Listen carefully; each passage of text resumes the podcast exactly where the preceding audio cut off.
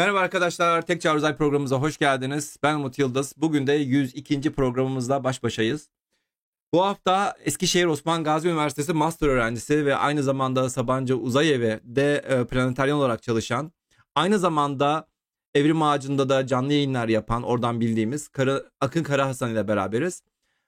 Aslında Akın'ın çok güzel bir çalışma konusu var. E, tardigratlar üzerine çalışıyor. Ya biliyorsunuz bunlar en en en en en zorlu şartlar altında yaşamaya and içmiş. İstersen ısıt, istersen soğut, istersen uzaya gönder, belki de güneşe gönder. Hala yaşayacak. Dur onları da dur onu da soralım. Madem e, ekstrem şartları arıyoruz. Hala yaşayan ve yaşayacak canlılardan bahsedeceğiz. Tabii yaşamak e, yaşamak kelimesinin ne demek olduğunu da az sonra tam olarak e, bunu da açıklarız. Yani e, buna yaşamak denirse diye durumlar da var. Elbette. yani yine normal normal normal bizim gibi yaşıyorlar ama yani o öyle durumlarda da hala ölmüyorlar diyelim. Ya da ölüm ne demek? O da Yaşam aralığı nispeten bize göre biraz daha geniş diyelim. Burada da eriyi çağıralım. ölüm ne demek? Yaşam ne demek?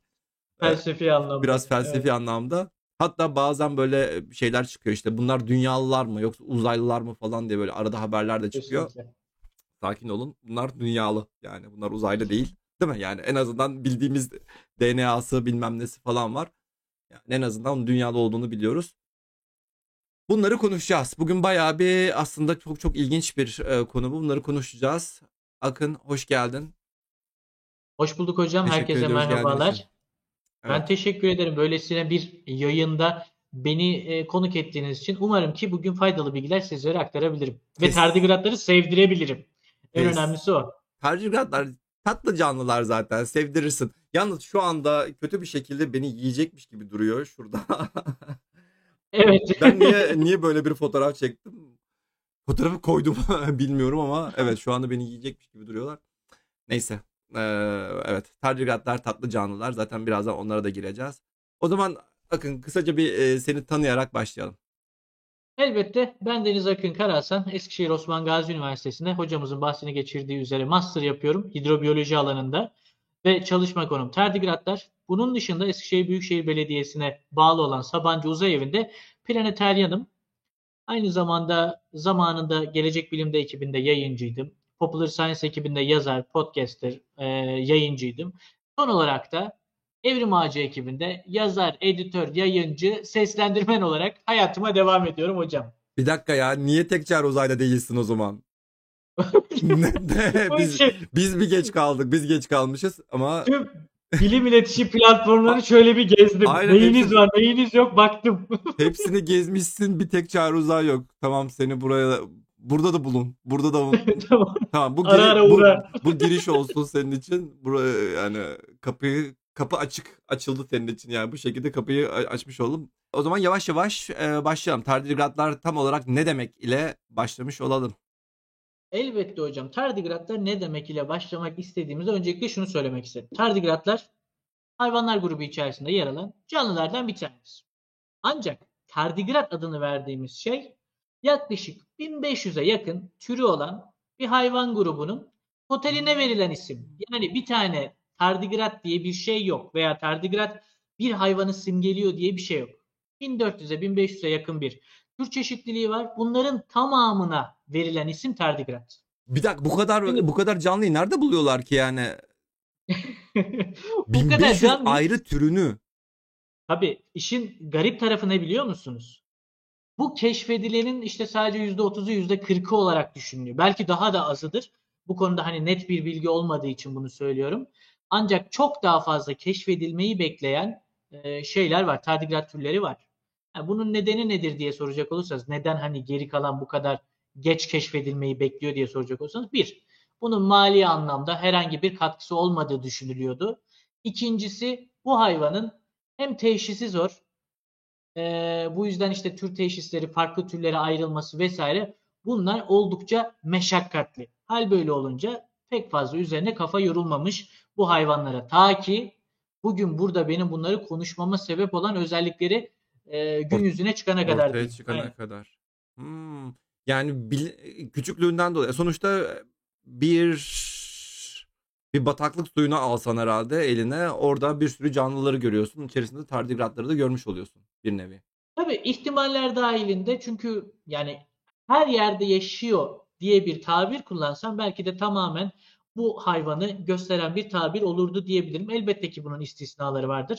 Ancak bu arkadaşımız dünya üzerinde en zorlu şartların yaşandığı kıta olan Antarktika'da bile karşımıza çıkabilecek. Hatta oradaki biyoçeşitliliği yani tür sayısı çok komiktir hocam. Türkiye'den daha fazla. Antarktika'da o sınırlı çevre şartlarındaki Bile. tür çeşitliliği Türkiye'den daha fazla. Neden? Araştırma yok.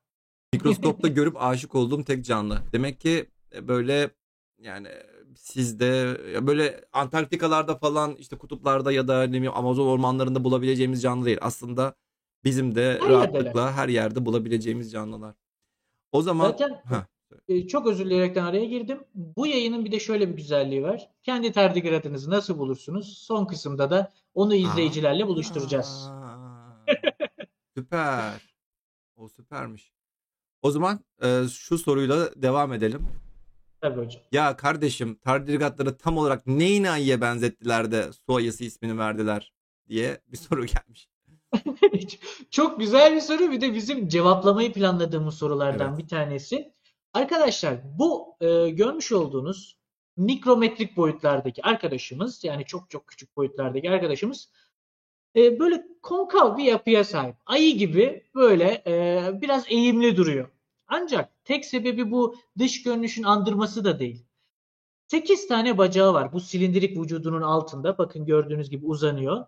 Bu 8 bacağının uçlarında ise pençeler yer alıyor. Ancak bazı tardigrat türlerinde bu pençeler şaka maka günümüz boz ayılarına benziyor. Bir de çok muhtemelen bir Echinuscus cinsine ait tardigratın pençelerini görüyorsunuz. Yani neden e, ayı lakabı buna atfedildiğini rahatlıkla anlayabilirsiniz. Peki su kısmı nereden geliyor? Yaşamak için aktif olarak hareket edebilmek, beslenebilmek, üreyebilmek vesaire hayatsal faaliyetlerini gerçekleştirebilmek için su filmine ihtiyaç duyuyorlar. Yani tamamen kuru bir ortamda tam anlamıyla canlılık faaliyetlerini gösteremiyorlar. Korunabiliyorlar mı? Korunurlar. Ancak bahsini geçirdiğim yaşamsal faaliyetleri gözlemlenmez. O yüzden keşfeden adam bunu suda keşfettiği için ve ayıya benzettiği için e, su ayısı lakabını almış. E, biraz tarihine girmem gerekirse işte 1773 senesinde Johann August Ephraim Gose tarafından Alman bir bilim adamı. Evet, o da e, zoolog o sırada su ayısı diyor. Aslında Türkçe'de de bazı yerlerde su ayısı diye geçiyor ama isim olarak Türkçe'de de tardigrat kelimesini çok kullandığımız için artık ta- tardigrat olarak demek daha akılda kalıcı oluyor. Ama gerçek Orada- ismi aslında su ayısı. Yani şaka Evet, değil evet, yani. ismi- Gerçek ismi su ayısı. Biz Türkçe'yi yanlışlıkla çevirmedik yani. Bu şekilde. Elbette elbette. Onun hatta e, şeyini de söyleyeyim, hikayesini de söyleyeyim. Tardigrat ismi nasıl geliyor onu da anlatayım. Şimdi 73 senesinde, 1773 senesinde su ayısını buldu. Tamam. Bundan farklı olarak İtalyan bir bilim adamı, Spallanzani soyadında bir bilim adamı 3 sene sonra ondan bağımsız bir şekilde mikroskopun altına bakıyor. Şöyle yine karayosunundan elde ettiği bir sulu çözeltisi var. Bakıyor ya diyor burada canlılar var iyi güzel ama burada paytak paytak yürüyen çok yavaş yavaş yürüyen bir şey var. Böyle kafayı sağa sola sağa sola sallaya sallaya yürüyor. Ondan sonra bakıyor literatürü ya böyle bir şey daha önce keşfedilmemiş. Sonra diyor ki ben buna diğer canlılardan çok daha bariz bir şekilde yavaş yürüdüğü için yavaş adımlayan anlamına gelen İtalyanca tardigrat ismini vereyim diyor ve o isim de buradan patlıyor hocam. Oradan. Hatta ilk tardigrado diyor kısacası. Hmm. Burada şey yorumu da var. Ayı tardigrata evrilmiş ya da tam tersi tardigrat ayıya evrilmiş de diyebilirsin. Bu daha dayanıklı olduğu için aynen ayının hayali olabilir. ha, ayı ayı isterdi aslında tardi, tardigrat gibi olmak. Kesinlikle. Evet. Tardigratların yaşam yerlerinden bahsediyoruz o zaman hazır e, girmişken. Nasıl yerlerde yaşarlar? Tabii ki hocam mesela en güzel örneği şu an sizin arka planınızda green screen'e yansıtmış olduğunuz e, görüntü. Orada çok muhtemel bir tardigrat örneğimiz bir karayosununun yaprağına gerçek kök ve yaprak e, vesaire gözükmüyor e, karayosunlarında ancak yine de orada rahatlıkla anlayabiliyorsunuz. Karayosunların üzerinde yaşıyorlar. Likenlerin üzerinde yaşıyorlar. Yaş ağaçların içerisinde ya da üzerinde yaşıyorlar. Bunun dışında toprakta bizzat bulunabiliyorlar. Bu sadece karasal habitatlar için. Suya döndüğümüzde ise suyun e, ne derler sedimanında yaşıyorlar. Suyun içerisindeki yosunun üzerinde yaşıyorlar. Bitkilerin üzerinde yaşıyorlar. Gibi gibi birçok aklınıza gelebilecek habitatta karşınıza çıkabilirler. Özellikle ve özellikle e, Antarktika'dan bahsettim. Şimdi Antarktika'da karayosunu vesaire nereden bulacağız diye sorabilirler. Antarktika'da öncelikle karayosunu var. Bunda bir hemfikir olalım. Ancak Antarktika'da çok özel yerler var. Kriyokonit adı verilen. Böyle delik delik bulundukları noktada gözüken o deliklerin içerisinde de bitkilerin olduğu noktacıklar, e, alanlar var. Onların içinde dahi o korunaklı alanlarda dahi tardigratlara rastlayabiliyoruz. Size çok önemli de bir şey söyleyeyim. Çok farklı bir şey söyleyeyim. Ayda bile tardigrat var. Ama bizim götürdüğümüz tardigratlar. O bizim götürdüğümüz tardigrat elbette Tamam ki oraya gireceğiz zaten. oraya, gi- geleceğiz. Oraya gireceğiz Onu zaten. ben şimdiden sürprizini vereyim. Oraya gireceğiz. Ya e, Antarktika'daki o, o bitkilerin olduğu bölgeler biraz e, dikkatimi çekti. Nasıl olabiliyor ki öyle bir- ya buzun ortasında Şimdi şöyle söyleyeyim. neyden O beslenebilirsin ki ya Be- buzun içerisinde bir H2O var. Hadi kalsiyum, malsiyum falan böyle besinleri mesinleri nereden bulacaksın ki yani bir, bir, bir, bir Şimdi- bitki oluşabilsin orada ya da bitki yaşayabilsin. Oradaki mevzu da şu hocam. Ee, buzul oluşmadan önce orada diyelim ki bir bitki hali hazırda vardı. Bir toprak vardı ve o toprak zaman içerisinde bitkileşti. Yani bitkinin büyümesine izin verdi. İyi güzel. Sonrasında buz oluşuyor üzerinde. Yani kar yağıyor ya. Hı hı. Üzerine buz oluşuyor. Buz oluştuğunda bitki üzerindeki yani çünkü toprağın geri kalan kısmıyla sıcaklığı farklı olduğu için üzerindeki kısmı eritiyor. Eritmeyebilir. Orada ince bir film gibi de kalabilir ve güneş ışığının içeriye sarkmasını sağlayabilir. Hal böyle olunca hali hazırda çevresel parametreler işte güneş ışığı da içeriye giriyor. Çevresindeki karın erimesine bağlı olarak zaten ortamda bir de su var. Evet. Tüm parametreler bitkinin yaşamının devam etmesi için elverişli. Tardigrat işin neresinde diye soracak Evet. olursanız tardigrat zaten bitkinin üzerindeydi toprakta hali hazırda bitki dururken. Tardigrat o bitkiyle beraber çevre şartları onu zorlamadığı için nispeten orada bulunmaya devam etti. Kriyokonit daha sonrasında farklı alanlarda başka şekillerde de oluşabilir. Ben sadece bir tanesini anlattım.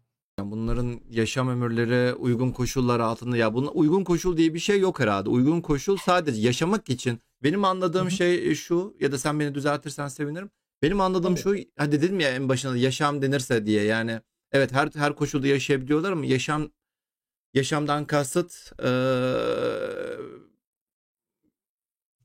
sadece işin içerisinde su varsa eğer Hı hı. ki böyle çok zor bir yere gittiklerinde böyle ne denir tat mı denir böyle fıçı gibi bir hale geliyorlar onlar böyle Evet. Neyse. Uyku formuna uyku giriyorlar formuna geliyorlar. diyebilirsiniz. İşte vücudundaki suyu hemen dışarı atıyorlar ve öyle bilinç açık mı oluyor artık ne oluyor bilmiyorum. Evet. Ve orada kalıyorlar. Kaldıktan sonra da sen ona su verene kadar yani e, birkaç damla suyun içerisine bırakana kadar o orada yaşamaya devam ediyor. Yaşamaya devam ettikten sonra da e, ha- kendi hayatına devam edebiliyor yani bir sorun olmuyor değil mi? Yani aslında yaşam kesinlikle. denirseden kastım buydu herhalde değil mi? Yani burada Anladım anladım. yaşam- Kesinlikle. yaşama değil aslında o özellikle o zor koşulları altına girdiğinde mi? Tam terimi, o dönemi anlatan terim latent dönem olarak geçiyor. Hı hı. Uykuda, askıda olunan bir dönem. Tohum gibi düşünebilirsiniz. Hani e, olabildiğince metabolik faaliyetlerin en aza indirgenmiş, maksimum yaşam süresi e, ne yönelik çeşitli adaptasyonlar gerçekleştirilmiş bir dönem o. Bu yüzden tam anlamıyla yaşam denilmez. Ama şu var, öldü de denilmez. Öldü de denilmez. Bilinç konusundaki bir şey var mı? Bir, bir açıklama var mı? Şimdi bilinç kısmına ben bir şey diyemem ama Evet. sinir ve beyin kısmı var mı diye soracak olursanız cevabım nettir. Evet. Hem eklem bacaklarda yer alan ganglionlar yani sinir kümeleri var belli segmentlerinde hem de bu ganglionların e, ön bölgede bir araya gelmesiyle beyin kısmı dediğimiz bir alan var. Heh, bakın şurada. Evet hocam. Brain yazıyor zaten orada görmüşsünüzdür. Bir de aşağıda ventral nerve cordlar vesaire yazıyor. Onlar da ganglionları simgeliyor. Burada dikkat çekmek istediğim şey şuydu.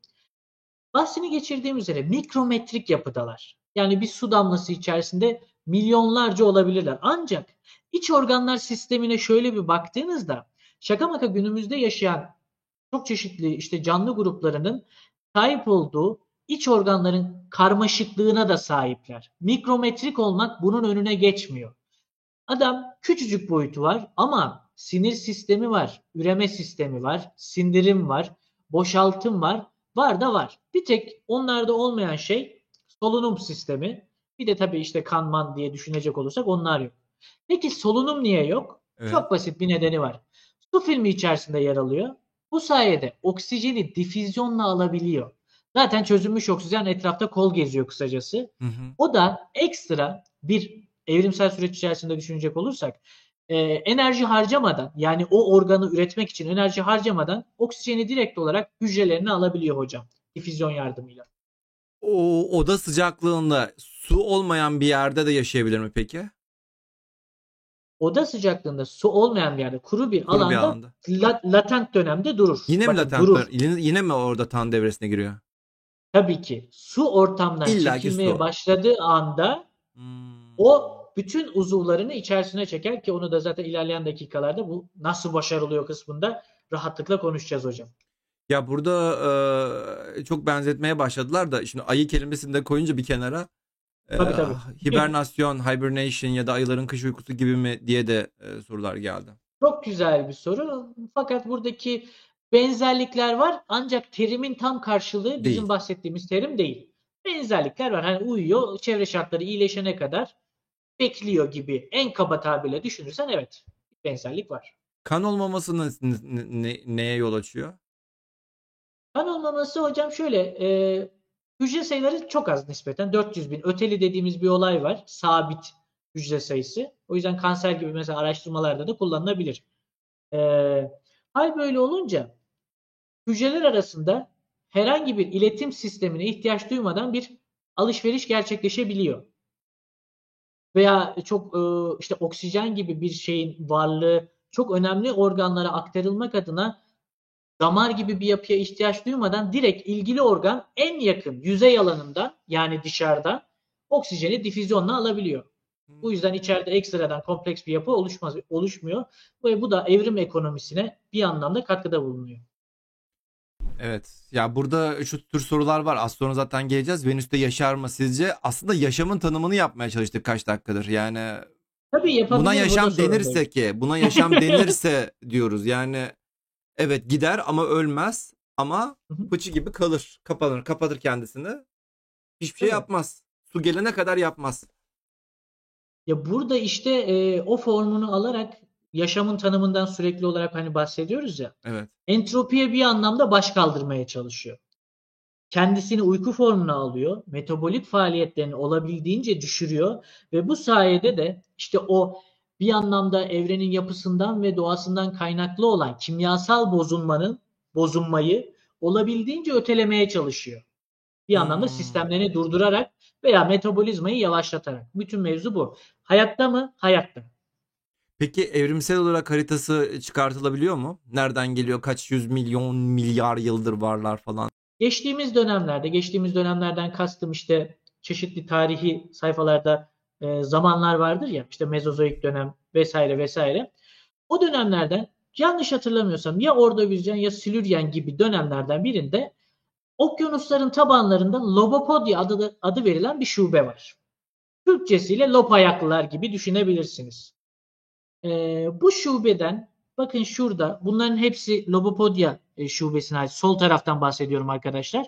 Bu şubeden bakın şurada kırmızı ile işaretledim. Tardigrat benzeri canlıların evrimleştiği düşünülüyor. Ne kadar doğru? Bunlar yumuşakça olduğu için fosil kayıt bırakmaları çok zor. O yüzden eldeki verilerle şimdilik bu e, şeye sahip oldukları, bu aileden köken aldıkları düşünülüyor. Bu şubeden köken aldıkları daha doğru olur. Ka- ka- ne kadar yıldır diyeceğiz o zaman? Ee, hocam Kambriyen dönemine dayandığı varsayılıyor. Ben 500 Ordovizyen milyon vesaire dedim ama yani. ha, eldeki verilere baktığımda bundan da geriye götürüyor beni. Hal böyle olunca e, bahsini geçirdiğim Lobopodya şubesi belki çok daha geride yaşamış olan bir şube olabilir. O şube hakkında fazla bilgim olmadığı için yanlış söylediysem kusura bakmasınlar. Yazmış. İncelerken üzerine alkol dökmüştüm. Ölürken izlemiştim. Kan benzeri bir şeyler çıktı vücudundan. Söyleyeyim ne olduğunu. Çok muhtemelen bir heterotardigradı öldürdü. Onun böyle turuncu turuncu hücreleri vardır. Pigmentli hücreleri vardır. Hayvan tabi patlayınca o hücreler, kesecikler hayvanın içerisinden çıktı. kan gibi gözükmüş oldu. Ya da diğer türlerine düşünecek olursa içerisindeki sıvı dışarıya çıkmış oldu. Hmm, aslında şey değil yani. Bildiğin kan değil. Kan değil tam anlamıyla. Aynen. O e, ölümle alakalı şeylerden bahsettiniz ya. Evet. Çok güzel bir sorusu var tardigratların.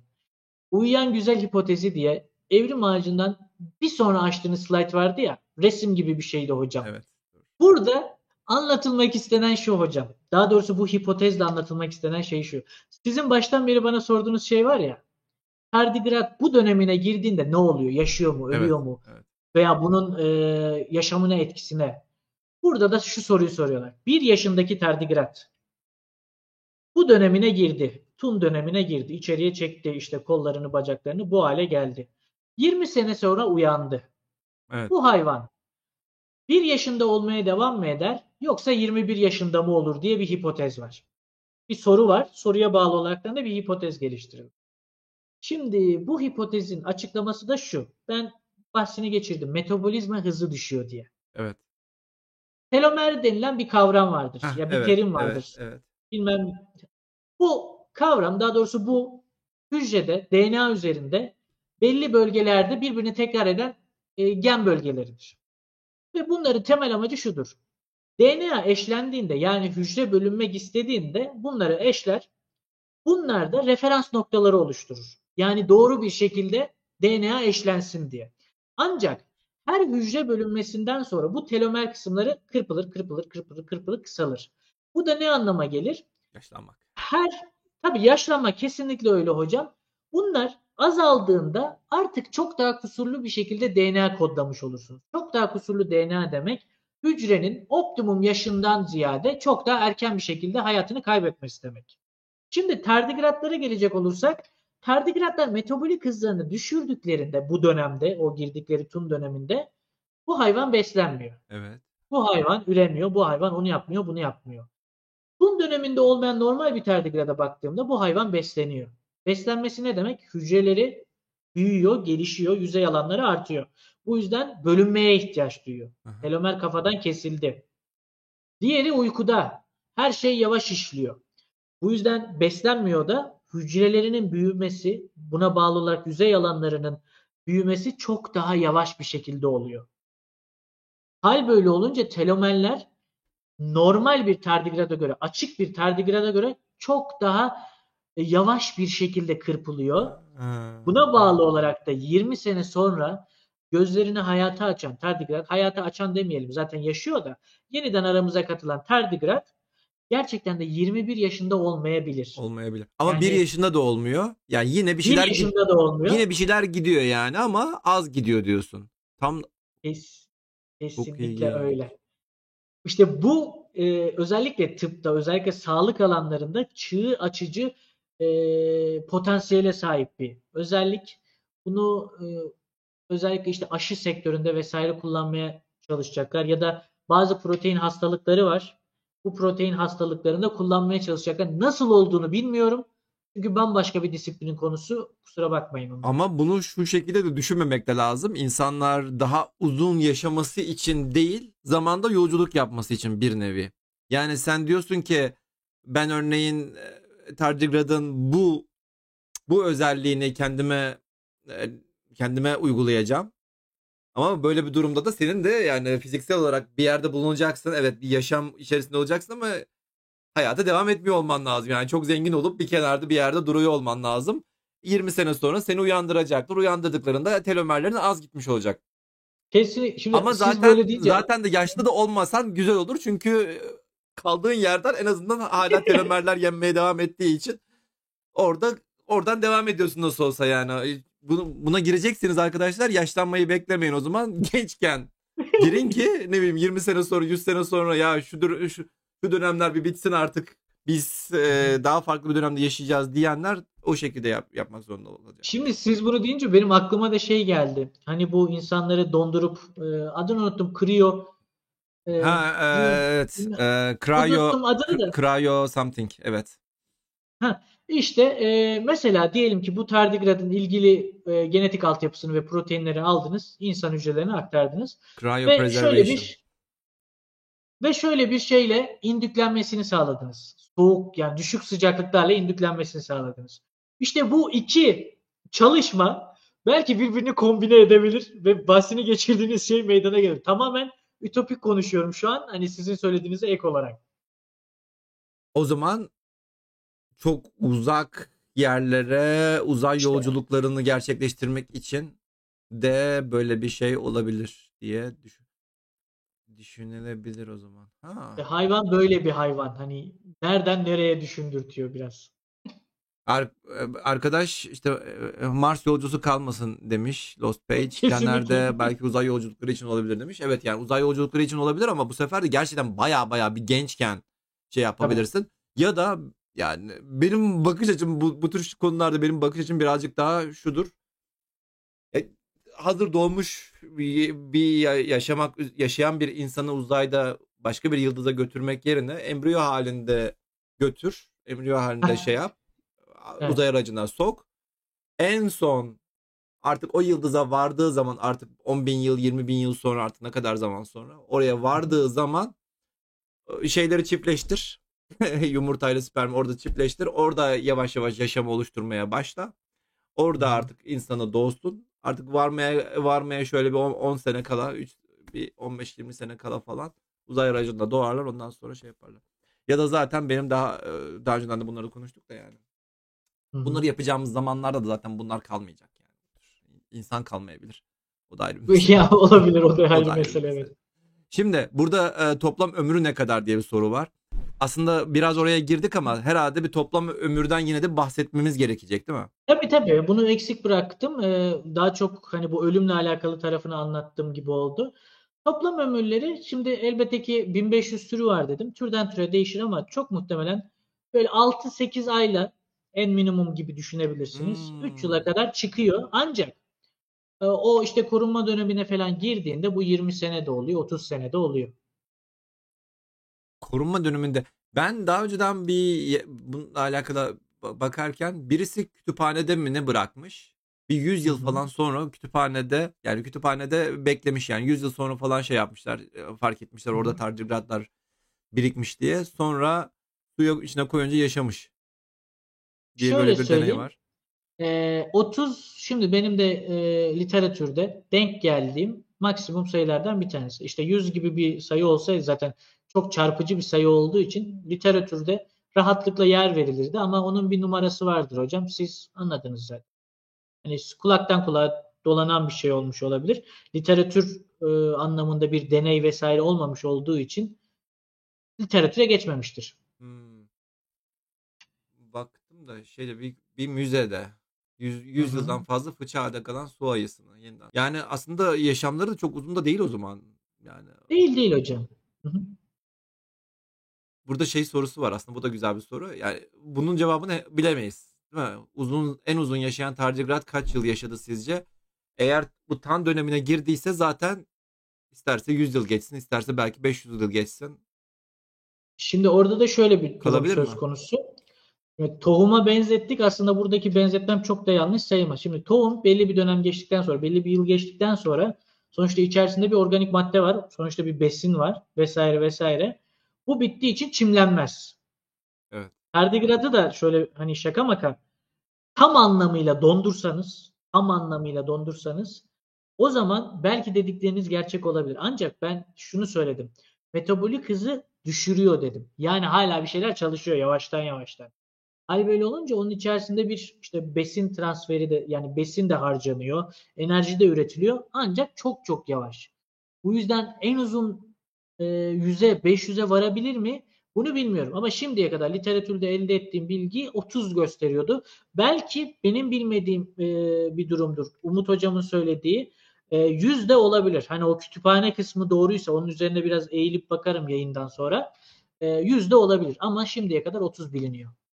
Şöyle bir durum olmaz mı? Donma deyince aslında güzel de bir konuya dokunmuş oldun. Donma deyince Evet. sen onu hatta şurada da şeyde açayım yani ne kadar kaydedilmiş maksimum dayanıklılık değerleri diye.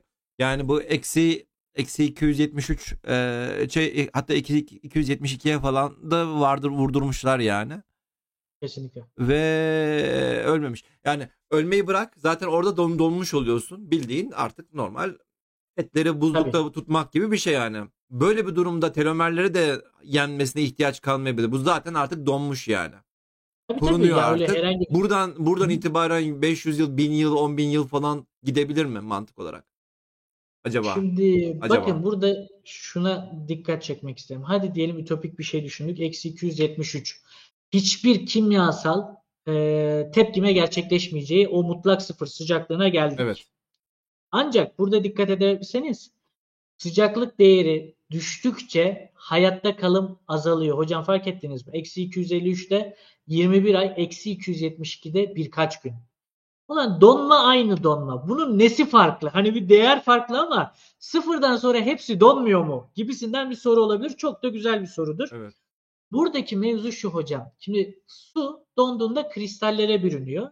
Ancak sıcaklığın düşmesine, gittikçe düşmesine bağlı bu kristallerin konformasyonları değişiyor.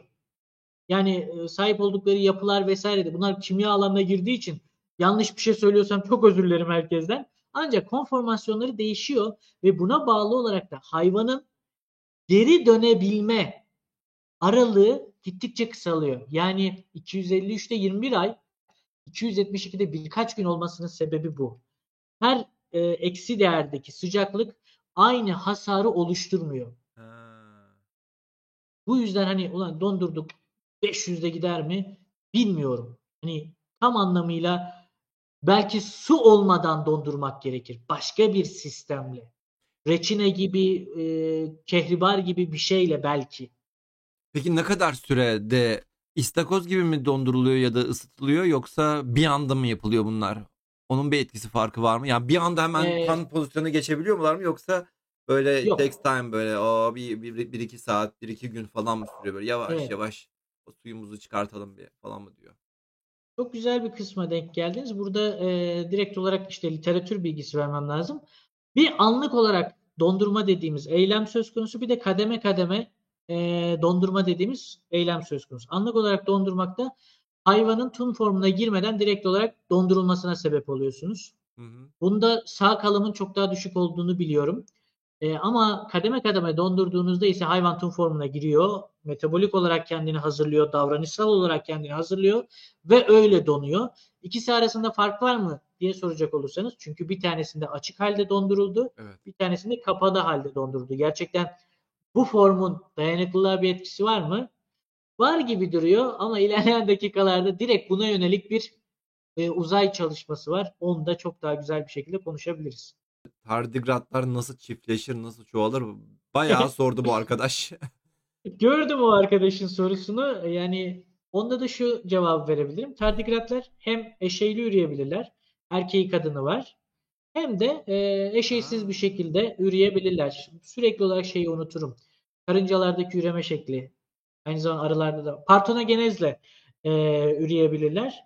Yani hem e, erkeğe ihtiyaç duymadan da üreyebilirler. Bazı türleri bakın tüm tardigratları kastetmiyorum. Bazı türleri bazı türleri ise hem e, erkek ve dişi bireyleri barındırdığı için eşeyli de üreyebilirler. Bu soruyu ben de bakmıştım. Arkealar ve tardigratlar hangisi daha ekstrem herhalde ekstremofildir diye sormaya çalışmış Tabii, tabii. arkadaş. Ekstremofil değil aslında değil mi tardigratlar?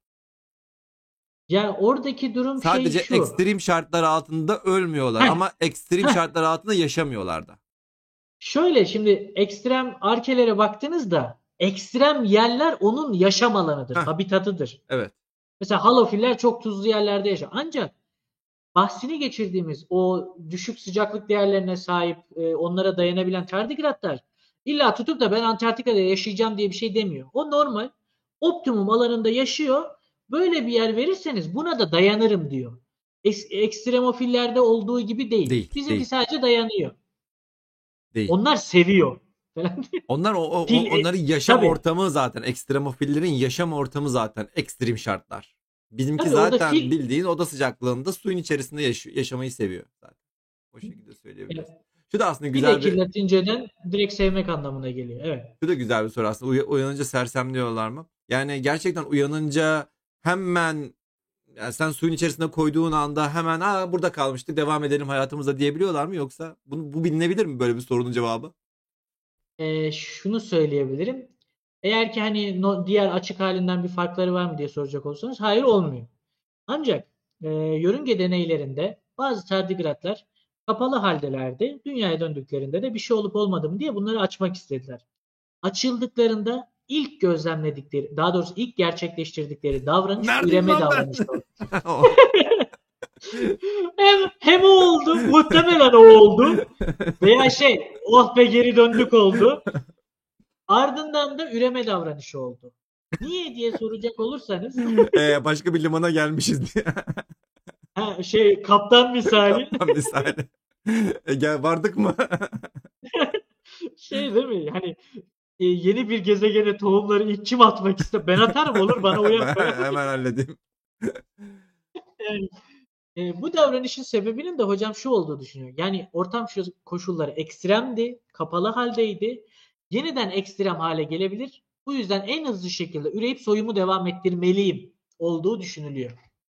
Evet nasıl başarıyorlar bu işleri? Şimdi bu kısmı çok seviyorum. Çünkü bir anlamda davranışsal olarak e, göstermiş olduğu o tun hareketini anlatma fırsatı yakalıyoruz. Öncelikle bu harekete girmelerinin sebebi çok basit hocam. Bizler hepimiz kış dönemi geldiğinde, hava soğuk olduğunda akşam yatağa girdiğimizde şöyle bir cenin pozisyonu alırız. Yani olabildiğince uzuvlarımızı içeriye doğru çekeriz. Vücudumuzu birbirine yakınlaştırırız ve yüzey alanımızı küçültürüz. Hal böyle olunca çevreden gelen strese çok daha az bir yüzey alanımız maruz kalır açık halimize nazaran. Tardigratta da bu var. Uzuvlarını içerisine çekiyor, kafasını içerisine çekiyor. O e, silindir şeklindeki yapı hafif böyle küreye benzer bir hale geliyor. Temel amacı daha az yüzey alanının çevresel strese maruz kalıp daha az enerji harcaması. Hmm. Tun'un mevzusu bu. Şimdi sadece Tun da söz konusu değil ama Tun formuna girdiğinde işin içerisine bazı eee, ne derler dönemler işte latent dönem vesaire adını verdim ya bu dönemlerde tetiklenen mekanizmalar geliyor. Bu mekanizmaların adı da kri, e, kriptobios. Şimdi ne dedim böyle latince bir şey ortaya attım Ha, kurtulmayayım. kriptobiyosis. Evet. Tamam. Aynen öyle. Kripto Latince gizemli, gizli demek. Biosis işte yaşam, Yaşam dönemi, dönemi. yaşam state'i gibi düşünebilirsiniz. Gizemli yaşam dönemi. Türkçesi, en kaba Türkçesi bu. Peki bu dönem nasıl bir özellik katıyor ona? O da şu şekilde. Bunun çeşitli alt türleri var. Anhidrobiyosis, an olumsuzluk ekidir. Hidrosu suyun olmadığı dönemlerdeki yaşam dönemi. Kriyobiyosis az önce de dedik. Düşük sıcaklıklarda yaşam dönemi. Anoksibiyosis, oksijenin olmadığı ozmobiyosis, basınç, kemobiyoz da ortamdaki kimyasallar. 5 tane alt tipi var. Hepsi de bahsini geçirdiğim üzere bambaşka özelliklere sahip. Burada önemli nokta şu. Her tardigrat türü hepsine sahip değil. Ha. Okey. Unutmayın. 1500 tane türü var. Hepsi aynı özelliğe sahip değil.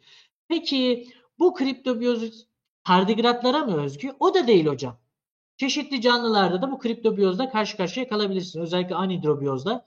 Su olmadığında hayvanlar böyle kuruyormuş gibi gözükür. Kendilerini içeriye çekerler. Daha sonra su geldiğinde açılırlar. Ancak tardigrat bunu çok daha farklı bir boyutta, çok daha uzun süreler e, ardından gerçekleştirebildiği için böyle bir özelliğe sahip. Bunun dışında e, direkt olarak hani şu özellikleriyle değerleri de vermek isterim. Mesela kriyobiyozu verdik. Eksi 253, eksi 272. Anoksibiyosis de nispeten hani birkaç günle alakalı. Ama ozmobiyosis insanları biraz şaşırtabilir hocam. Neden? Hmm. Çünkü 7600 megapaskallık bir değere mine sahip. Basınca dayanabiliyor. Bu şimdi megapascal cinsinden pek anlamayız. Evet. ATM'den konuşalım. Şimdi bir ATM deniz seviyesinde Deniz bizim seviyesi. maruz kaldığımız. Ha, aynen öyle. Peki 7600 megapascal kaç ATM? 74019 ATM'ye mi ne denk geliyor? Peki iyi güzel yine hani kafamızda bir ATM Evet. değeri var. Dünyanın en fazla basınca maruz kalan noktası neresi? Yani en derin noktası. Mariana Çukuru. Evet. Mariana Çukuru'nda yanlış hatırlamıyorsam orada yazıyor da olabilir hocam. 6000 civarında bir ATM'ye mi ne denk geliyor üzerimizdeki basınç. Hal böyle olunca ne kadarlık bir basınca e, sahip olduğunu, ne kadarlık bir değere dayanabildiğini sizler görebiliyorsunuz. Tam tersi de geçerli. Zaten tam tersi de geçerli olduğu için e, yörünge deneyleri yapılabiliyor. Ne demek istiyorum? Vakum ortamında yani e, olabildiğince e, moleküllerin en az olduğu, neredeyse olmadığı ortamlarda, basıncın hiç olmadığı ortamlarda e, tardigratlar dayanabiliyorlar diyebilirim. Peki Kimyasalları da birkaç dakika dayanıyor. Buyurun hocam. orası da mı yani örneğin okyanusun altına indirdiğinde de mi tan seviyesine düşmüş oluyor? Orada da mı tan E, seviyesine giriyor? okyanusun altında Yine suyun içinde olsa da. şunu söyleyebilirim. Orada halihazırda normal olarak orası optimum koşulu olan tardigrat türleri bile olabilir. İlla tanı bilmem ama burada çevremizde yaşayan bir tardigrada alıp okyanusun altına gönderseniz hocam eğer ki bu bahsini geçirdiğim değerin kaydedildiği tardigrat türüyse o zaman gerçekten orada tan formunda hayatta kalabilir. Burada güzel bir soru var aslında. Tardigratların davranışlarını kopyalayan canlılar var mı? Ee, şöyle mimikri dediğimiz işte canlıların e, hareketlerinin kopyalanması, görünüşlerinin kopyalanması gibi durumları tardigrat gibi mikroskobik canlılarda gözlemlemek nispeten zor. Çünkü şu var. Bugün bir kelebek e, işte bir şahinin görünüşünü mimikri ettiğinde tardigrada nazaran davranışlarını çok daha iyi bir şekilde yorumlayabiliyoruz. Neden? Uzun süreler boyunca onunla çalıştık. Nispeten makro bir örnek ve çevre şartlarında olan biteni de tahmin edebiliyoruz. Yani av avcı ilişkisi, baskı ilişkisini yorumlayabiliyoruz. Davranışları da makro seviyede olduğu için rahat gözlemliyoruz, tahmin yürütüyoruz. Ancak mikrokozmozda yani artık boyutların mikrometrik boyutlara indiği alanlarda bir hayvanın hangi davranışı gerçekleştiğini kestirmek çok zor oluyor. Hmm. Hani şey gibi düşünün. Evet. Bir, ta- bir tane işte nematod var yılana benzer küçük mikrometrik bir hayvan gibi düşünün. Böyle hareket ediyor. Ya bu hareketi yaparken işte üçüncü segmenti neden şu kıvrımını yaptı demek çok zor. Hal böyle olunca tardigratları da taklit eden böyle bir canlı varsa onu henüz keşfetmedik ya da benim bildiğim kadarıyla şu an ortada yok. Literatürde varsa onu da henüz ben bilmiyorum. Ama mesela kriptobiyoz bunun en güzel örneğidir. Tabii bunun çok muhtemelen e, birbirlerinden bağımsız evrimleştiğini düşünüyorum. Çünkü su içerisinde yaşayan canlılar olası bir suyun ortamdan uzaklaşması tehdidiyle her an karşı karşıyadır. Hal böyle olunca suyun e, ortamdan çekilmesine yönelik kriptobiyoz gibi bir şey geliştirmeli evrimsel süreçte oldukça beklendiktir. Özellikle ikincil olarak karalara çıkan, hani karalardaki tatlı sularda hayatta kalan canlılar için bahsediyorum. Bu da e, farklı dönemlerde aynı e, ne derler buna yakınsak evrim dediğimiz e, metotla evrimleşen bir benzerlik diyebilirim. Ama tam anlamıyla mimikri mi? Arkadaşın sormak istediği şey mi? Hayır. Hmm. Zaten benzemeye çalış ya taklit etmeye çalışan herhalde insanlar olmak istiyorlar. Hı hı. Yani uzun zorlu şartlar altında yaşamak isteyen insanlık falan diyebiliriz belki. Burada En herhalde kıskandığımız canlılar. en kıskan aynen kıskanılan canlılar. Burada anhydro Evet hocam. Maalesef. Tam olarak onu görüyoruz. Kademe kademe bakın uzuvlarını çekiyor ve yüzey alanını küçültüyor. daha da küçültüyor, daha da küçültüyor. İşte bu ne kadar sürdü sürüyor örneğin? Bu videoyu hocam hızlandırmışlar mı bilmiyorum tabii de.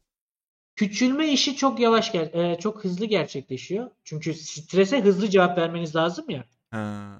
Küçülme hızlı gerçekleşiyor ama açılma o kadar hızlı gerçekleşmiyor. Yani kıyasladığınızda diyeyim ben. Ha Açılma güvenli o yeri hızlı buluyor gibi böyle bir şey mi ya? Acaba güvenli mi bir bakayım falan. Kafa Bakın içine zaten- giriyor mu peki? Kendi Tabii kafa, kafayı şöyle lop lop düşünün. böyle. O loplar böyle içine giriyor. Şeyi hatırlar mısınız? Ee, Dinky Finky, Lala, Dipsy, Lo, Po bir şeyler vardı. Neydi onların adı? Unuttum. Teletabiler. Teletabiler. Teletabilerde süpürge vardı. Aha. O süpürge gibi. yani uç kısmı, ağız kısmı içine girebiliyor gibi düşünün. Kademe kademe bütün uzuvlarını içine çekiyor. Peki normal ortamın iyi bir ortam olduğunu nasıl anlayabilecek? De yani kafası Tabii. Tabii tabii. şu anda ben burada yaşayabilirim diyebileceği durum ne? Bak şu anda yani bunun gözü falan yok değil mi? Bu ağız sadece. Şurası ağız mı? E, o ağız açıklığı, gözü de Bir şey var yiyor hocam yani ama aslında. Bu da besleniyor yani bir nevi. Tabii tabii onları da e, Ne bir dilerseniz hemen yeri gelmişken anlatayım. Bu arkadaşlarımız hem işte alglerle beslenebilir yani bitki parçacıklarıyla da beslenebilir. Siyanobakterilerle de beslenebilirler. Onları bayağı bildiğiniz yiyorlar. Ağzında böyle bir e, aparat gibi bir şey var. Deliyor, yiyor. Deliyor, yiyor. Deliyor, yiyor. E, ya da bunların etçilleri de var. A, işte kendi türdeşlerini yiyebilir. Ortamda yer alan diğer işte e, tekerlek hayvancıkları, rotiferler ya da nematodlar gibi canlıları da yiyebilir kendi boyutlarındaki. Ortam koşulları nasıl anlıyorlar? Ha ha iyi olduğunu nasıl anlarlar? Tabii tabii. Aynen aynen. Ya bu şundan dolayı. e, şu şekilde daha doğrusu. Her canlı çevresinde gerçekleşen değişimlere tepki vermelidir. Bu canlılık ortak özelliği ya. Bunun için de çeşitli reseptörlerle, almaçlarla donatılmıştır. Bu almaçlar işte mesela bizim e, geçtiğimiz e, Nobel'de reseptörler ve bunun mekanizması şey aldı ya Nobel ödülü aldı ya. Bu almaçlar çevrede yer alan çeşitli değişimlere, bunlar makro değişimler de olabilir, iklim gibi değişimler de, hava şartları da olabilir. Mikro ölçekte değişimler de olabilir. Mikro ölçekteki değişim ne olabilir? İşte tardigratları düşündüğümüzde oksijen seviyesinin, çözülmüş oksijen seviyesinin yükselmesi. Hı. E zaten bu adam difüzyonla alıyor bunu. Difüzyonun bulunduğu kısımda otomatik işte reseptörler donatılmış durumda. Bu şekilde düşünebilirsiniz. Veya e, suyu otomatikman e, kabuğuna veya işte dış katmanına temas ettiğinde e, ilgili birimin yani H2O'nun ortama girdiğine dair yine reseptörler ya da almaçlar e, harekete geçecektir diye düşünüyorum. Tam olarak mekanizmasını bilmiyorum. Ama bu bir canlılığın getirisi olduğu için Hmm. çok muhtemelen bu şekilde yapıyor. Ha, depo mekanizması hocam. var mı diye bir soru gelmiş. E, tabii tabii depo hücreleri e, olduğu düşünülüyor. Özellikle kesecik kesecik gözükür. Tardigratların içerisinde hücre hücreler, hücre grupları. Bu hücre gruplarından bazılarının depo görevi gördüğü de düşünülüyor. Ee, şurada da aslında güzel bir soru var hazır uzaya Tabii. geçmeden önce. Asit ve baz ortamlarında yaşam olayları nedir? Sanırım biz zaten marulda falan yıka, iyi yıkamazsak marulda falan çıkabiliyor bu tardigratlar. Yiyebiliyoruz hatta biz. Ama E, elbette. vücudumuzda e, tardigratlar olsa da içeride yaşasalar da bizim mide asidi onları parçalıyor diye biliyorum. Hı hı. Yani asit Şöyle anlatayım. Hı hı. E, Eğer ki bitirdiyseniz Yo, hocam. bitirdim bitirdim. E, şu şekilde hocam. E, bu arkadaşlarımız asite ve baza karşı birkaç dakikalık bir dayanması söz konusu. Kemobiyoz diye orada kriptobiyozun alt dallarından bir tanesi olarak söylemiştim. Diyelim ki yedik. Mideye gitti. Ha midede ölür zaten. Ama hani bir şeyler oldu. Çok komplike bir şeyler oldu. Damarımızın içine girdi. Şunu söyleyeyim. Ha. Ee, Ya bizim savunma sistemimiz özellikle işte lenfositlerimiz vesaireler düşünüldüğünde bakterileri dahi tespit edebiliyorlar. Şimdi bakteri dediğimiz şey tardigrattan çok ama çok küçük bir şey. Hal böyle olunca tardigrat gibi bir canlıyı vücudun gözden kaçırması çok zor. Özellikle işte damarlarımızda yer alan o savunma hücrelerinin gözden kaçırması çok zor. Peki savunma hücrelerine dayanır mı? Dayanamaz. Neden? Çünkü temelde ortamda bir e, biyokimyasal bir süreç gerçekleşiyor. Nispeten hani çevre şartlarında işte sıcaklık sıcaklık etkili olurken burada artık işin içerisine enzimler giriyor. Enzimler de hani sen ona dayanıyorsun buna dayanıyorsun ben buna falan bakmam deyip oradaki duvarı kademe kademe kademe kademe parçalar ve onu sindirebilir. Yani şimdiye kadar bildiğim e, herhangi bir sindirim enzimine karşı böyle büyük bir dayanıklılığı yok.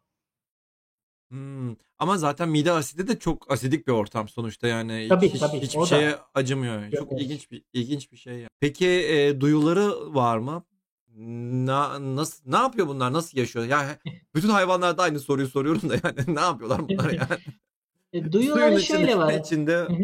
koşturup duruyorlar yani bütün ömürleri boyunca. E, Şey ne derler? Yaşam gayesi diye. Yaşam gayesi bir nedir şey. yani? Ne yapıyorlar? bu? Derdiniz nedir sizin yani? E, öncelikle tabii böyle bu hayvan ne yapıyor diye sorduğumuzda bunun da yine Ağız. otomatikman Göz yok. mesela bazı türlerde direkt mesela duyulardan gidelim. Bazı türlerde ağzın yanındaki şu kısımda yanak gibi kısım olduğunu düşünebilirsiniz. Buralarda sirri, sirri adı verilen yapılar var. Bu sirriler almaçlar gibi uzanıyor. Böyle dışarıya doğru uzanıyorlar. Ve çevredeki Bunlar mı? o ki, onlar kirlilik hocam. Çok muhtemel. Bu bir elektron mikroskobu görüntüsü üzerine bir de bu renklendirilmiş, boyanmış. O da çok muhtemelen bir kirlilik. Kafasından anten çıkıyor gibi düşünün. Bizim bildiğiniz karıncalardaki vesaire gibi. Bu iki antene bir sivri diyoruz. Vücudunun geri kalan kısımlarında da olabilir. İşte tardigradın türüne bağlılar.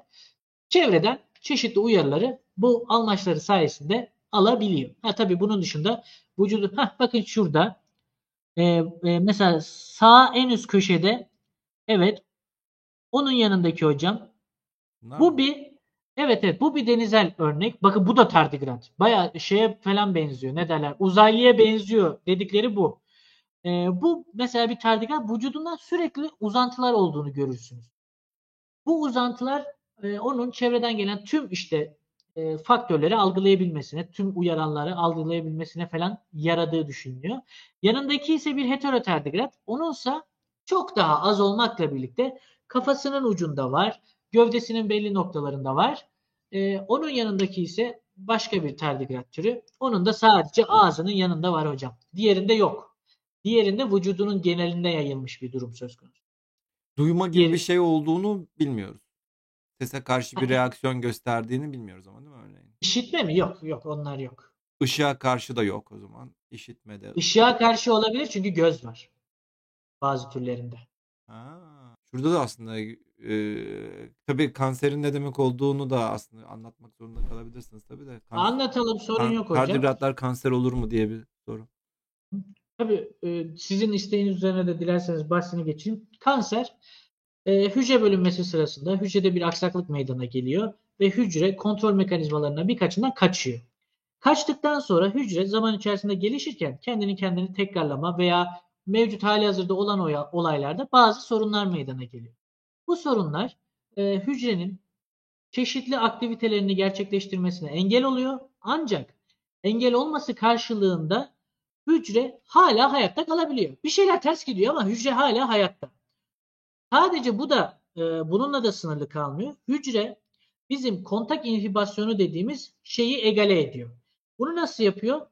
Glikokalix tabakası vardır. İşte hücrenin zarıdır. Bu zarında çeşitli reseptörler vardır. Bunlar başka hücrelerin reseptörleriyle karşılaştıklarında aa baba hoş geldin deyip orada bir stopluyor. Hı hı. Ama kanser durumu söz konusu olduğunda bunun yapısı bozuluyor. Yapısı bozulduğunda artık diğer hücreyi tanımamaya başlıyor. Tanımamaya başladığında artık ona dur diyen biri yok. Dur diyen biri olmadığı için de mevcut sınırlarının dışına çıkaraktan e, hücre büyümeye, işte tümör dediğimiz yapıyı geliştirmeye başlıyor. Temel mekanizması kontrol. Hücre bölündükten sonra kontrol kısmından kaçıyor. Kontrol kısmından kaçtıktan sonra bir de üzerine hücre işleyişinden kaçıyor. Kaspas dediğimiz hücreyi ölüme getiren yolaktan kaçıyor. E kaçtıktan sonra ben e, içerisinde bazı şeyler kötü işliyor ama ben yaşamaya devam ediyorum diyor. Hal böyle olunca eğer ki bir de savunma sisteminden de kaçarsa, makrofajlar da bunu tespit edemezse işte o zaman kanser e, yavaş yavaş yayılmaya ve büyümeye başlıyor. Kanser zaten ölmemek demek yani. Hücrenin ölememesi. Ölmeyi Tabii tabii bilmemesi mut- demek. mut- mutlak anlamda yaşama sürüklüyor. Bir de işin işte tuhaf tarafı şu telomerleri etkiliyor. Telomerleri telomeraz enzimini aktif ederekten e, sürekli olarak bölünmeye teşvik ediyor. Bu da çok tuhaf mesela. Ha. Her kanser türünde var mıdır bilmiyorum ama e, telomerlerle ilişkili olduğunu bu şekilde söyleyeyim. Tabii. gidecek olursak aynen. E, gerçekleşebilir bilmiyorum. E, bir tümör olan tardigradı şimdiye kadar ben en azından karşıma gelmedi, karşıma çıkmadı. Ama bu tür mikrometrik hayvanlarda durum nasıl işler e, bilemiyorum. Çünkü şu var. Mesela kanser oldu. Zaten hücre sayın kısıtlı ve kanserin çok hızlı bir şekilde yayıldığını düşünelim yapısından dolayı. E zaten hayvanın çok az bir 2 gram hücresi var gibi düşünün.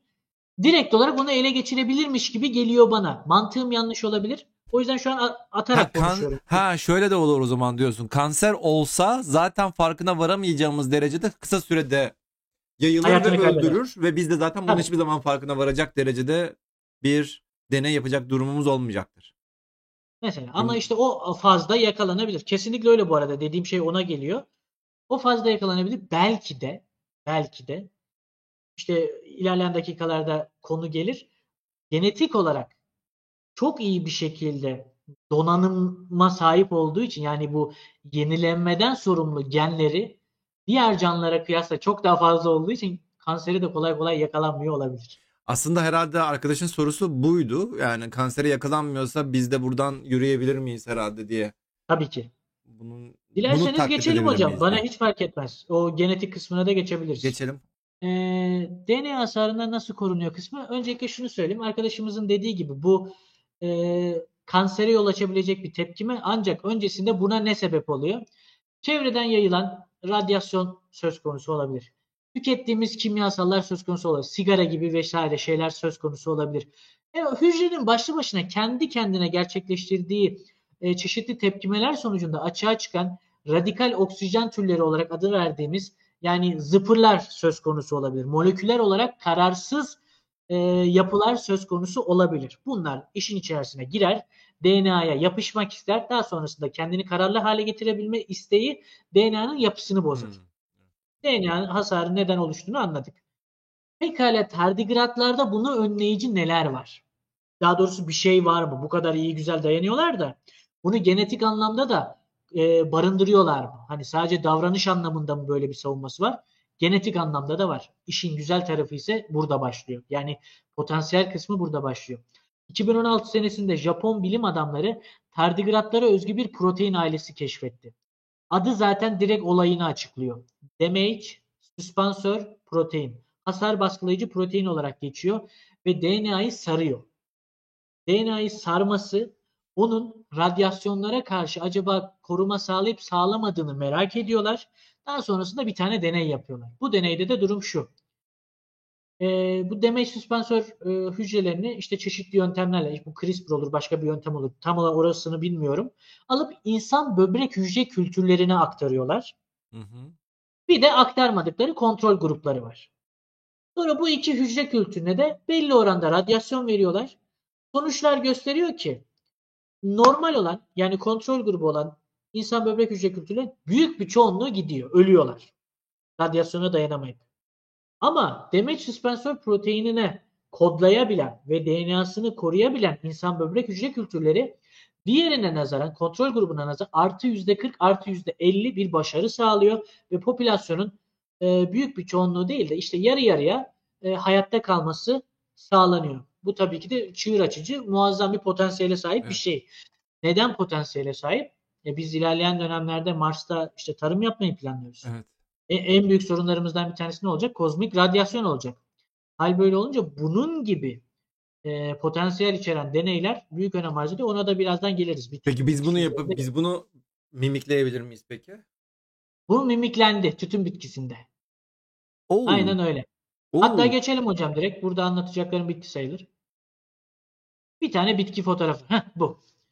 Burada da bütün bitki fidelerini görüyorsunuz. Her biri o petrilere yayılmış durumda. İlk kısım 0 mm etil metan sülfonat adı verilen bir tane kimyasal. Adı o kadar da önemli değil. Bu kimyasalın mevzusu şu. DNA'ya hasar veriyor. Yani radikallerden bir tanesi. Kime çarpsam diye uğraşıyor. İlkine 0-0 verilmiş ki herhangi bir sıkıntı olmadığı kontrol gruplarının gözlemlensin diye. Şimdi geri kalanlara geçmeden bu yukarıda yazan RM ve D sap kısmına gelelim. Damage süspansör olan damage süspansör proteini kodlayabilen tütün fidelerinin olduğu kısım o deney düzeneği. RM olan da yine normal içerisine bir şey konulmamış olan. Şimdi bir ben buna bir birimlik diyeceğim. Oradaki birimin adını bilmiyorum çünkü. Bir birimlik bu radikalden verildiğinde damage süspansör proteini olanlar bariz bir şekilde çok daha fazla hayatta kalabiliyor. Ancak yukarıdakine baktığınızda yine durum vahim. Bizimkiyle karşılaştırdığınızda. Şimdi 3 birimlik olana baktığınızda ise Allah Allah yukarıda bir birimde dayanmamışken 3 birimlikte bayağı dayanmış gibi duruyor. Bizimkinin durumu zaten normal. Dayanmasını bekliyorduk. Ama burada yukarıda normal grubun 3 birimde e, bu kadar hayatta kalması beklenmedik bir durum. Bunu diyorlar ki bir araştıralım. Bu niye böyle oldu? Sonra araştırıp bakıyorlar ki her ne kadar fide oluşmaya başlasa da fide içeriden şey geliyor, bozuk geliyor. Bozuktan kastım ne? İşte o kanser gibi düşünebilirsiniz. Evet, evet. Tam anlamıyla düzgün bir şekilde yetişmiyor. Ha diğeri de normal yetişiyor. Peki bunu nereden öğrendiler? Bunu da kuyruklu yıldız deneyinden öğrendiler. O da sağ taraftaki şey. Çok basit bir prensibi var. İlgili hücreden işte DNA'yı alıyorlar. Ee, DNA'yı mı çekirdeği mi bir şeyini alıyorlar. Tam olarak hatırlayamadım şimdi. İlgili işte yönetici molekülünü alıyorlar. Bunu yürütüyorlar jelde. Daha sonrasında ortaya bir sonuç çıkıyor. Kuyruk ne kadar uzunsa DNA hasarı o kadar fazla, kuyruk ne kadar kısaysa DNA hasarı o kadar az. İşte o içeriden çürüyor veya içeriden bozuk dememin sebebi bu. RM kısmındaki kuyruklar uzun. E, R5 kısmında yani demeç süspansörlü olanlarda kuyruklar kısa. O yüzden diğerleri çok daha kararlı bir şekilde yetişiyor. Diğeri ise muhtemelen büyümesinin bir aşamasında bozulacak.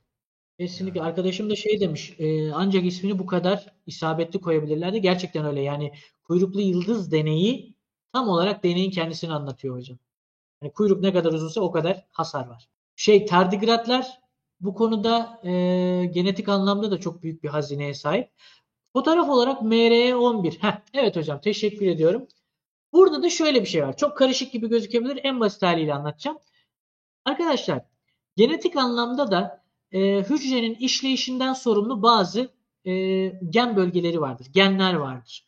Bu genler işte DNA üzerinde hasarlı bir bölge mi var? Onu onarmakla sorumlu veya hücrenin kendi içerisindeki metabolik aktiviteleri sonucunda oluşan az önce de bahsini geçirdiğim radikal oksijen türevleri gibi moleküllerin bir yerlere gidip saldırmaması için, işte taşkınlık yapmaması için tutulmasını ister. Bunları da kodlayan işte genler vardır. Bu proteinler gider o ilgili şeyleri tutar. Neyse. Bunlar tüm canlılıkta vardır. Neden? Çünkü dünya üzerinde var olan her canlı e, kozmik radyasyonla yani kısacası radyasyonla elinde sonunda bir yerde tanışmıştır. Ve eğer ki bunu yenemezse, radyasyonun verdiği hasar yenemezse neslini kaybedecektir. Bu yüzden en temel olan bu e, dayanıklılık mekanizmalarını geliştirmek zorundadır. Bunlar o yüzden her canlıda görünür. Şimdi MR'ler ve SOT'lara gelecek olursak bunlarda da durum şu. MRNA denilen bir kompleks var. Bunun içerisinde de MR11 adı verilen bir gen var. Bu gen e, özellikle çift zincir kırılması denilen DNA'daki bir hasarı onarmakla görevli. Her canlı türünde var bildiğim kadarıyla. Ve işin tuhaf tarafı şu. Çoğu hayvanda bir adet varken tardigratlarda dört adet var. Şimdi bu akıllara şu soruyu getiriyor. Eğer ki bu genin tekrar sayısı işte ne kadar fazlaysa o kadar iyi çalışıyorsa direkt olarak mevzuyu anlıyoruz kafadan. Çok basit bir hmm. şekilde açığa çıkıyor durum. Peki bu gerçekten de böyle mi? Hani çünkü böyle olmak zorunda da değil. İşte biyolojik e, bir sistemden bahsettiğimiz için başka şeyler de söz konusu olabilir. Bu gerçekten böyle mi? Bunun en güzel örneği tuzlu sudan tatlı suya geçen balıklardır. E, çünkü bu balıklarda e, hücrelerden tuzu artık e, atabilecek, bakayım doğrusu nasıl, tatlı sudan tuzlu suya geçen balıklardır. Hücrelerden tuzu atmakla görevli olan e, çeşitli şeyler var. İşte protein aileleri var. Bu protein ailelerini kodlayan genler var haliyle. O genlere baktığımızda gerçekten de böyle 20 tekrar, 25 tekrara sahip olduğunu görüyoruz. Hal böyle olunca böylesine bir tekrarın bulunduğu balık tatlı tuzlu suya geçebiliyorsa gerçekten de bir şeyler etkili burada. Yani tekrar sayısı bu işin içerisinde etkili olabilir diyorsunuz. Ve buradaki o işte DNA onarımında 4 adet bulunması belki de tardigratın çok dayanıklı değil, çok hızlı kendini yenileyebilen bir hayvan olarak atfedilmesine sebep olabilir. Ha, ilginç. Böyle de bir durum var. Soda gelecek olduğumuzda ise eğer ki bir şey demek istemiyorsunuz hocam Devam. hemen onu da e, soda geldiğimizde ise bu da radikal oksijen türevleri bahsini geçirdiğim üzere Bunlarla da oksijenli solunum yapmaya başladığımız andan itibaren karşı karşıyayız. Neden? Çünkü oksijeni alan ilk canlılar öldüler. Bir oksijen radikal bir e, şey olduğu için hücreye zarar verdi, öldürdü. Ancak evrimsel süreç içerisinde o oksijeni çok daha zararsız hale getirebilenler, bu tepkimeden çok daha zararsız bir şekilde e, kurtulabilenler yaşamlarını devam ettirebildi. Bunu nasıl yaptı? İşte bu peroksidizmutazlar, katalazlar vesaire vesairelerle bu enzimlerle yaptılar. Bu enzimleri kodlayan da gen bölgeleri var haliyle. Bu gen bölgelerinden pek çok canlıda 10 adet varken tardigratlarda 16 adet var. Ancak buradaki mevzu şu. Bakır e, için ayrı bir sot, manganez için ayrı bir sot, işte başka bir şey için ayrı bir sot. Hal böyle olunca 16 tane farklı şey için gen bölgesi varken tardigratta diğerlerinde 10 adet var diyebilir. Bütün mevzu bu. Yani burada tekrardan ziyade çeşitlilik ön, ön planda. Ya genel olarak başka genel olarak ya oksijen aslında yanıcı bir gaz değil mi? Yani biz o şu o anda yani tardigatlarla bağlantılı olmaz olmayaraktan evet, yani genel oksijen olarak genel olarak yani oksijen zararlı bir gaz olması gerekmiyor muydu? Biz niye oksijenle yaşıyoruz? diye bir saçma sapan bir soru soruyor. Yo yo estağfurullah bu soru öylesine e, ne derler kaliteli ve önemli ki. Bunun e, en temel sorularından bir tanesi de mesela şu.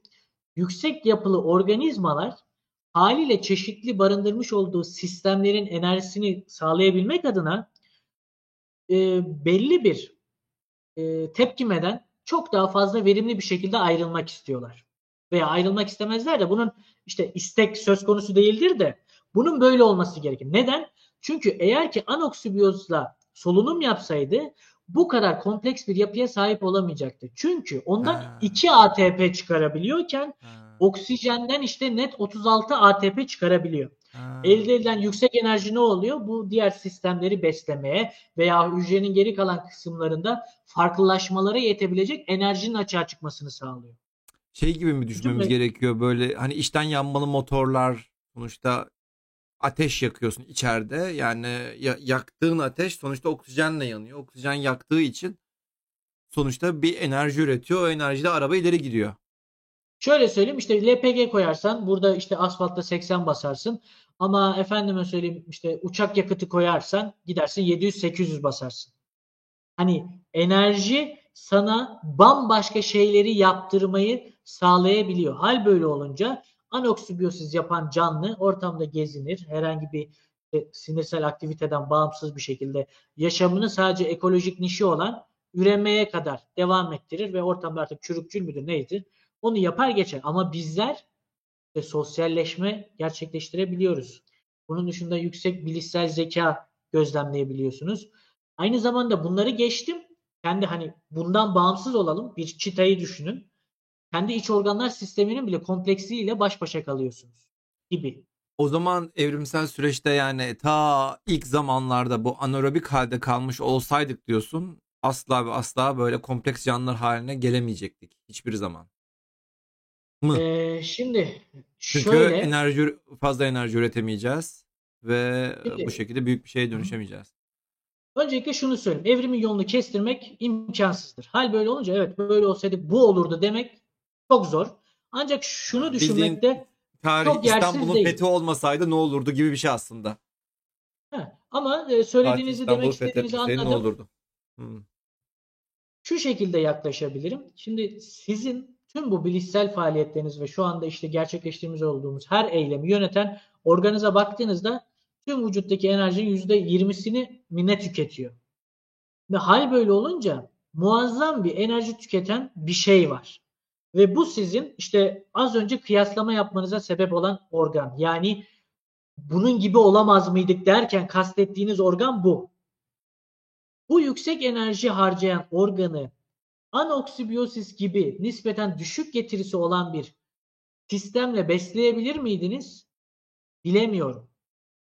Ama öyle olsaydı en azından üf, yani şey bir soru olduğu için hani Hipotetik bir soru evet yani. Tabii tabii. Kafadan. Zor bir soru olduğu için e, sanırım olmazdı. En azından bizim dünyamızda olmadı diyeyim ve bu şekilde e, açıklamak isteyeyim. Hmm, enerjiyi bir şekilde evet daha da artırmış evrim. Tabii. Artırınca bu sefer daha da gelişmiş canlılar. Belki de dinozorların durumları dinozorlar da nasıl o kadar büyüyor ki o zaman yani. Hep oksijenle falan açıklamaya çalışıyorlar da yani onların Evet. vücutlarının bu kadar büyümesi. Ya eee, O onda daha da iyi. durum bahsini geçirdiğiniz üzere oksijenle alakalı olduğu düşünülüyor. Çünkü Mezozoik dönemde oksijen miktarı günümüzdeki gibi %16 değildi. Hmm. Karbonifer dönemden yeni çıkıldığı için karbonifer dönemde ağaçlar evrimleşti. Bu yüzden oksijen miktarı e, çok daha arttı atmosferdeki. %36 civarlarına falan vardı. Hal böyle olunca o dönemde eklem bacakların boyutları da muazzam seviyelerdeydi. Hani böyle internette falan görürsünüz işte Evet, evet. bir araba boyutundaki akrep. Çünkü neden? Bunlar direkt olarak oksijeni trakeleriyle vücutlarına aldıkları için kayıpsız alıyorlar gibi düşünebilirsiniz. E, yüksek enerji geliyor vücudun içerisine. O zaman yüzey alanımı arttırayım ki buna bağlı olaraktan oksijeni verimli işte kullanabileyim. Yine hipotetik söylüyorum o günde yaşayıp deney yapmadığımız için. Hmm. Dino- di- dinozorlarda da aynı durumun geçerli olduğu söyleniyor. Ne kadar doğru ne kadar yanlış bilmiyorum. Hani yüksek oksijen var. Ben kendi kendime yetebiliyorum. Bu yüzden vücudumu büyütebilirim gibi. diye düşünmüş düşünmüş vücutlar o zamanki Aynen öyle canlılar. hocam. Evet gelelim uzaya. Şimdi Tardigratlar uzayda ne işi var? Ne yapıyoruz? Bunlardan? Şimdi e, şimdi biz e, sizler de zaten işin içerisinde olduğunuz için araştırmacılar böyle bir keşifte bulunduktan sonra hocam rahat durmazlar. Yani sen ki ısıtmışsın, bana- soğutmuşsun, e, diyorsun ki yani ya bunu daha da zorlu nereye götürebilirim? Uzaya götürebilirim. Tam olarak öyle. Ben demişim ki bunu artı 151'e dayanır, o kadar basınca dayanır, şu kadar ona dayanır. Evet tamam da bunu bizzat bir deneyelim. Bizzat bunu bir e, olası ilerleyen dönemlerde yapacağımız uzay çalışmaları için bir test edelim. Neyi var, neyi yok bir öğrenelim. Tam olarak bu sorudan yola çıkaraktan işin içerisine girişiyorlar. İlk girişim 2007 senesinde Foton M3 kapsülüyle oluyor. E, işte Sovyetlerin kapsülü Soyuz'da yanlış hatırlamıyorsam Kazakistan'dan kaldırılıyorlar Foton misyonuyla. Bu misyon içerisinde de 16 tane biyolojik testin 3 tanesi tardigratları kapsıyor. Tardis, Rotorat, Tarse. Bizim için ya bugün burada konuşmayı planladığım Tarse, e, Tardis ve Rotorat e, şeyleri olacak. Ama geri kalanlardan da şöyle bir bahsedeyim. Daha sonrasında 2012 ya da 2014 senesinde Endeavour vardır. E, Los Angeles'tan işte Evet. şeye müzede sergileneceği yere Los kadar boy- Evet, evet. Ha, evet. E, oraya Boeing'in üzerinde son yolculuğuna çıkmıştır. Evet. Onun yörünge son deneyi ise tardigratları taşıdığı Tardikis deneyidir. Ha. Onun dışında tabii bir sürü daha deney var da Tardikis de onlardan bir tanesidir. O yüzden çok anlamlı bir e, deney. O deneyde de yine benzer sonuçlar var. Sonuçlara birazdan geleceğim. Phobos Life Project e, bu ise yanlış hatırlamıyorsam yine tardigradın e, astronomi, e, astrobiyoloji ile alakalı önem arz eden bir çalışmasıydı. Ancak okyanusa çakıldı. Yani Evet. Dünyanın e, kütle Evet. çekiminden e, kaçamadı ve okyanusa çakıldı. Beresheet var. E, bu ise Ay'a çakılan tardigratlar. İsrail'in ilk defa bir girişimi oldu. İşte mikrometrik boyutlardaki bir kütüphane ve kehribar içerisinde yer alan tardigratlar barınıyordu. E, iniş sırasında iniş takımında meydana gelen bir aksaklıktan dolayı Ay'a sert iniş yapmak zorunda kaldı ve beklenilenden farklı bir e, sonuç açığa çıktı. Bu sonuçta şu. Ay yüzeyine tardigratlar saçılmış olabilir sonucu. E, şimdi buradaki en önemli soru şu. Tamam iyi güzel ay yüzüne tardigratlar saçıldı da tardigratlar ayı istila edebilirler mi sorusu. Bu hocam sürekli soruluyor. Evet. Ancak şunu unutmamak gerekiyor ki bahsini geçirdiğim üzere bir kehribar içerisinde yani bir koruyucu kılıf içerisinde e, okuduğum kadarıyla yanlış olmasın gönderildiler. Bunu delmeleri söz konusu değil. Çünkü şu an uyku durumundalar ama orada işte kehribarın zamanla aşınmasına sebebiyet verecek. O koruma şeyin zamanla aşınmasına sebebiyet verecek ve tardigratların açığa çıkmasına sebebiyet verecek bir şey olur mu bilemem. Ha çıktı diyelim tardigrat. E, ortamda su yok zaten. Ya e, şimdi oraya biraz da ben gireyim madem ay, taraf, hocam, ay tarafına girdik. Şimdi biliyorsunuz Bereşit 2019'da aya çarpmıştı. Bereşit'in ve bu özel bir misyondu. Kimsenin yani Evet. herhangi bir özel İsrail kelimesi çok geçiyor olsa da aslında İsrail devletiyle direkt alakalı değildi başlangıcı. Sonradan artık iş, iş ilerleyip artık bitiremeyecek projeyi bitiremeyeceklerini anlayınca artık İsrail devleti biraz e, yakla biraz yardım etmeye çalıştı ama verdiği para da 3-5 milyon dolar falan yani çok az bir şey verdi. En çok da bir tane İsrailli bir zengin bir milyarder Kaan mıydı neydi birisi yani o şey yaptı o parayı verdi ve o sırada parayı ya o sırada bu e, proje bitirildi. Aslında projede daha önceki X e, Google Google X miydi ya? E, Lunar X Project mi öyle şey yani öyle bir yarışma aslında. O hı. competition öyle bir yarışma. Yarışmanın da yarışmanın da olayı şuydu. Sen aya bir bir araç göndereceksin. Gönderdiğin araç aşağı inecek, yumuşak iniş yapacak ve bir tane rover'ın olacak. Rover'da da 500 metre gidecek. Ve Ha. buna e, bir sürü e, insanlar başvurdu, özel insanlar başvurdu ve e, neticede kimse sonuna kadar ulaşamadı. Bunlar da zaten artık yarışmanın tarihi geçti ama artık yapalım ya bu iş bitsin falan diye artık ondan sonra da o zengin mengin falan yani onların desteğiyle gittiler.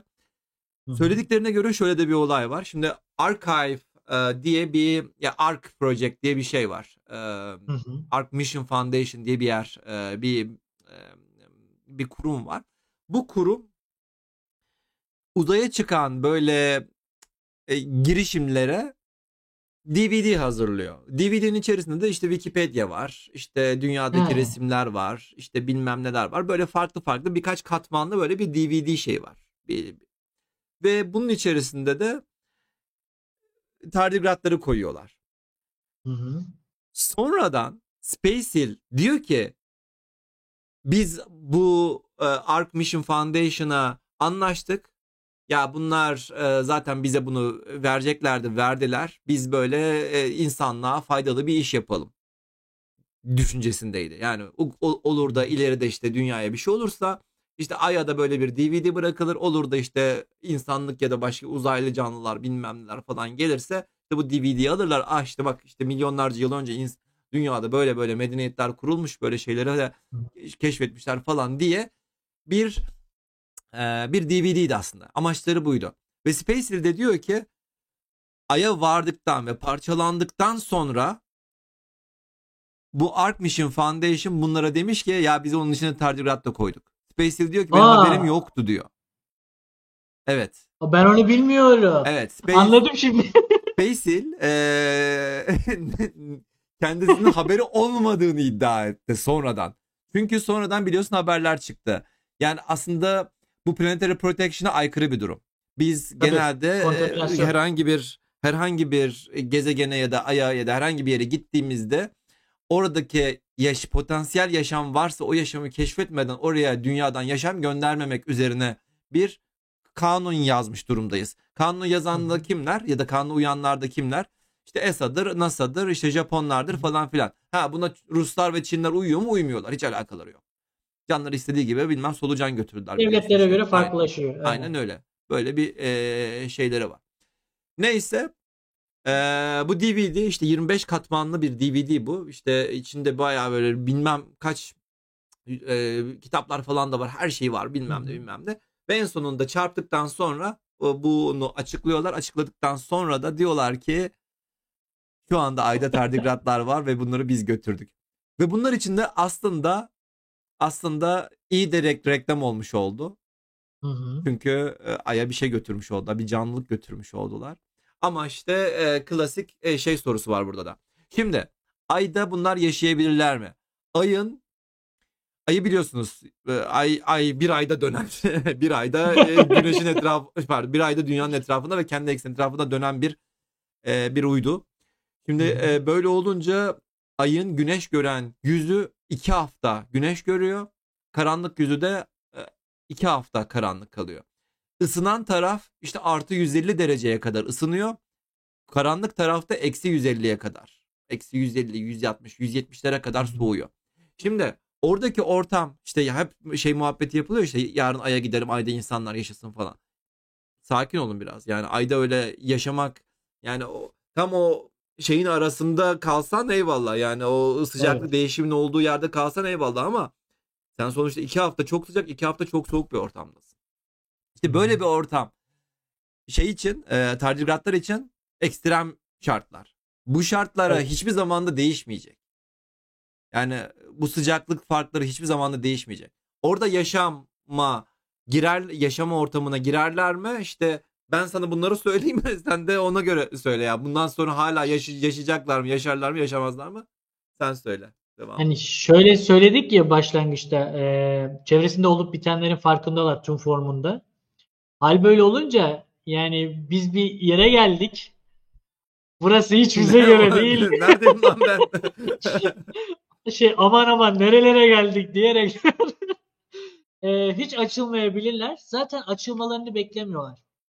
Yapmak istedikleri şey daha doğrusu olur da işte düşündükleri şey şu. Olası bir ikinci görevle oradan örnek alıp acaba tardigratlar tüm bu üzerinden geçen zamana karşılık ve çeşitli çevresel şiddet, streslere karşılık dünyaya döndüklerinde açılabilecekler mi? Yani hayatlarına devam edebilecekler mi? Asıl soru bu. E zaten bu kanıtlanırsa o zaman işte yer yerinden yine oynayacak tardigratlar için. Şimdi şöyle bir durum var. Şimdi Space Hill'in ya orası crash site zaten sonuçta oraya çarpmış durumda. Orada oradan ne buluruz bugün bilmiyorum yani. Space Hill Evet.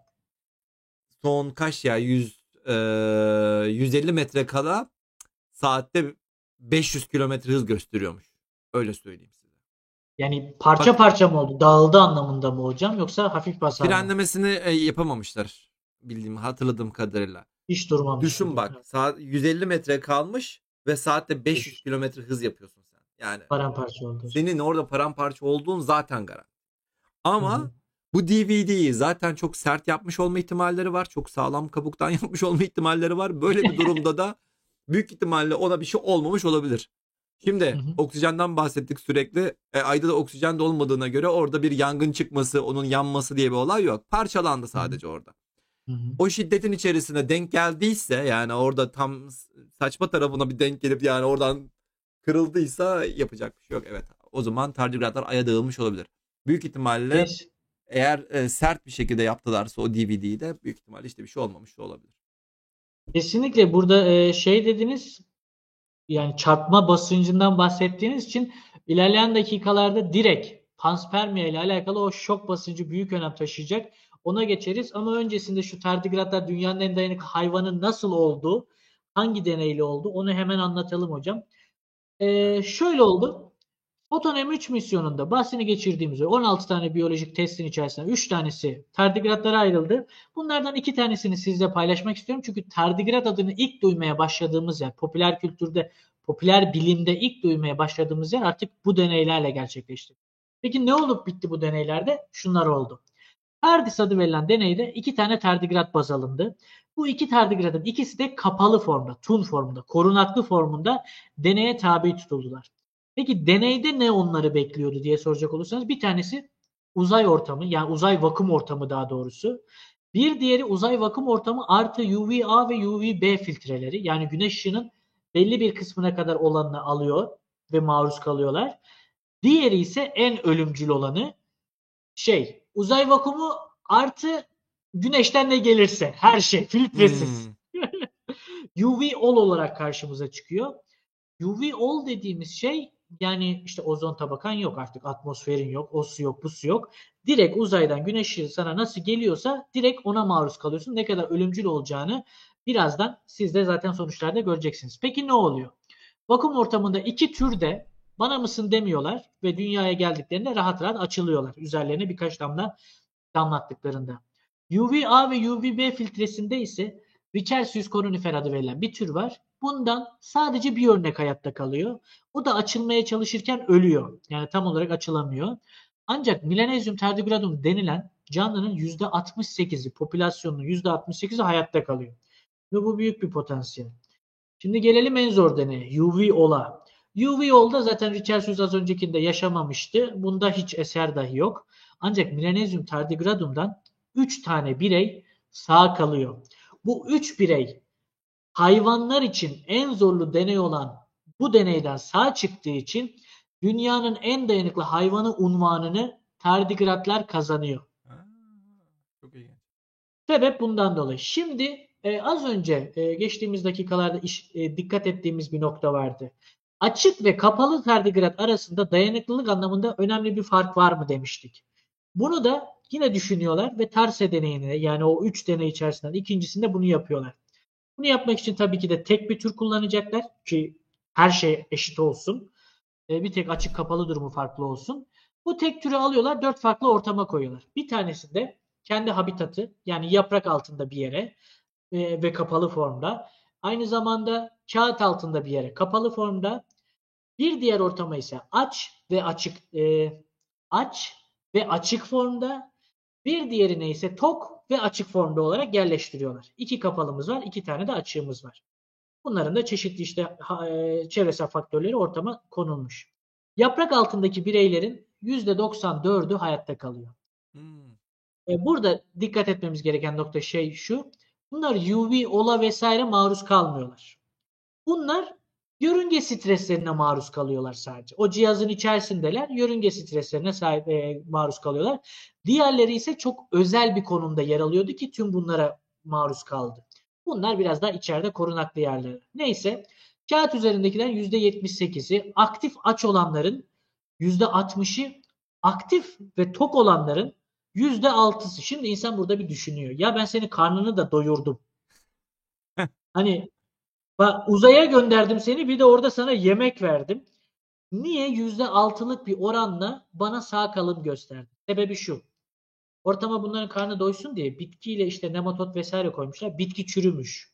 Ha. Bitki çürü bitki çürüyünce o 10 günlük 12 günlük sefere dayanamıyor. İçerisindeki fiziko-kimyasal şeyler değişiyor ve tardigrada ölüyor. Ama ölüyor dedim hala hayatta kalanları var. E diğerlerinde de işte o size ilk söylediğim şey gerçekleşiyor. Dünyaya döndüklerinde e, yumurtlama eğilimi gösteriyorlar. Yani üreme eğilimi gösteriyorlar. Hatta aktif ve aç olanlar zaten açıktalar ya birbirleriyle çiftleşiyorlar, yumurtluyorlar. Uzayda yumurtluyorlar. Döndüklerinde e, o arkadaşların yumurtaları çatlıyor. Ancak şu var. Hani hiç mi bir şey olmadı bu hayvanlara diye soracak olursanız şu var. Dönen tardigratların yaşam aralığı normal bir tardigrada göre çok daha kısa. Ha, Yumurtadan tamam. çıkan tar- yumurtadan çıkan tardigratların yaşam aralığı yeni yumurtadan çıkmış dünya şartlarında yetişen bir tardigrada göre çok daha kısa. Bazı çevresel stresler DNA üzerinde hasar bırakmış. Bu onun tam anlamıyla ölmesine sebebiyet vermemiş. Ancak zaman içerisinde de normalden onu farklılaştırarak ölüme çok daha yaklaştırmış. İlginç. Çok ilginç. Kesinlikle hocam. Burada da şey şurada görünce uzayda çiftleşen ilk hayvan mı acaba? Astronotlara da bir sormak lazım. Şüphe duyuyorlar astronotlar. Yok bildiğim kadarıyla astronotlar çiftleşmedi ya. Ama benim de bildiğim kadarıyla bunun için özel kostümler var. Astronotlar için mi? E, çiftleşme, uzayda çiftleşmeyi sağlayacak kostümler var. İki bireyi bir İnsanlar arada için mi diyorsun? İnsanlar için diyorum Ha hocam. yok şu an itibariyle zaten e, Amerika NASA vasıtasıyla bu yapılamaz. Sorry. Ha, tamam. Sorry. Tabii tabii. Bunun baş ya belki başka bir zaman Ya. konuşabiliriz de. Ya bunun bununla alakalı başka bir e, şirketin bir planı var. Hı hı. Aa. tamam. Ben de o zaman şöyle Yok söyleyeyim. yok başka bir şirket dediysen bir web sitesinin bir planı var. Ha, Yani e, bazı arkadaşlar e, bildirler o şirketi. O web sitesine o, orası böyle bir iki tane insan gönderecekti. Evet. Zaten bilen arkadaşlar da hemen chat'e yazmaya başladılar zaten. Ben de bunu şeyde gördüm. Ee, bu Gobit Connect mi deniyor? Tam olarak bilmiyorum ama şu e, NASA'nın hazırlık yaptığı uçağın adı neydi hocam? Parabol çiziyordu da insanlar havaya kalkıyordu. Zero G uçağı mı? kalıyor. NASA, NASA'nın değil de Zero G uçağından bahsediyorsun herhalde. Olabilir. Hani uzay şartlarını deneyimledikleri, yer Evet çekimsiz evet ortamda Zero G uçağı. Evet. E, onda yanlış hatırlamıyorsam işte öylesine bir haber de olabilir. İşte bir erkek bir kadına bir kıyafet dikilmiş. Onların işte yer çekimsiz Ha. ortamda bir arada kaldıklarını gösteren bir kıyafet. Bilmiyorum. Olabilir de e, çünkü 15 saniyede çok zor işler ya. Tabii. 15 saniyede. Şimdi neyse. Çünkü 15 saniyede aşağı iniyorsun, sonra yeniden yukarı çıkıyorsun. Yani o Evet. onun yerine Parabol gidersin e, uzaya verirsin parasını. Denersin Şey. Elon Musk'a verirsin parasını. Halledersiniz bu işleri aslında yani. Böyle bir olay var. Neyse son iki tane e, soruya gelelim. Son iki tane şeye gelelim. Hatta burada da güzel bunun da tam da zaten bundan bahsedecektik.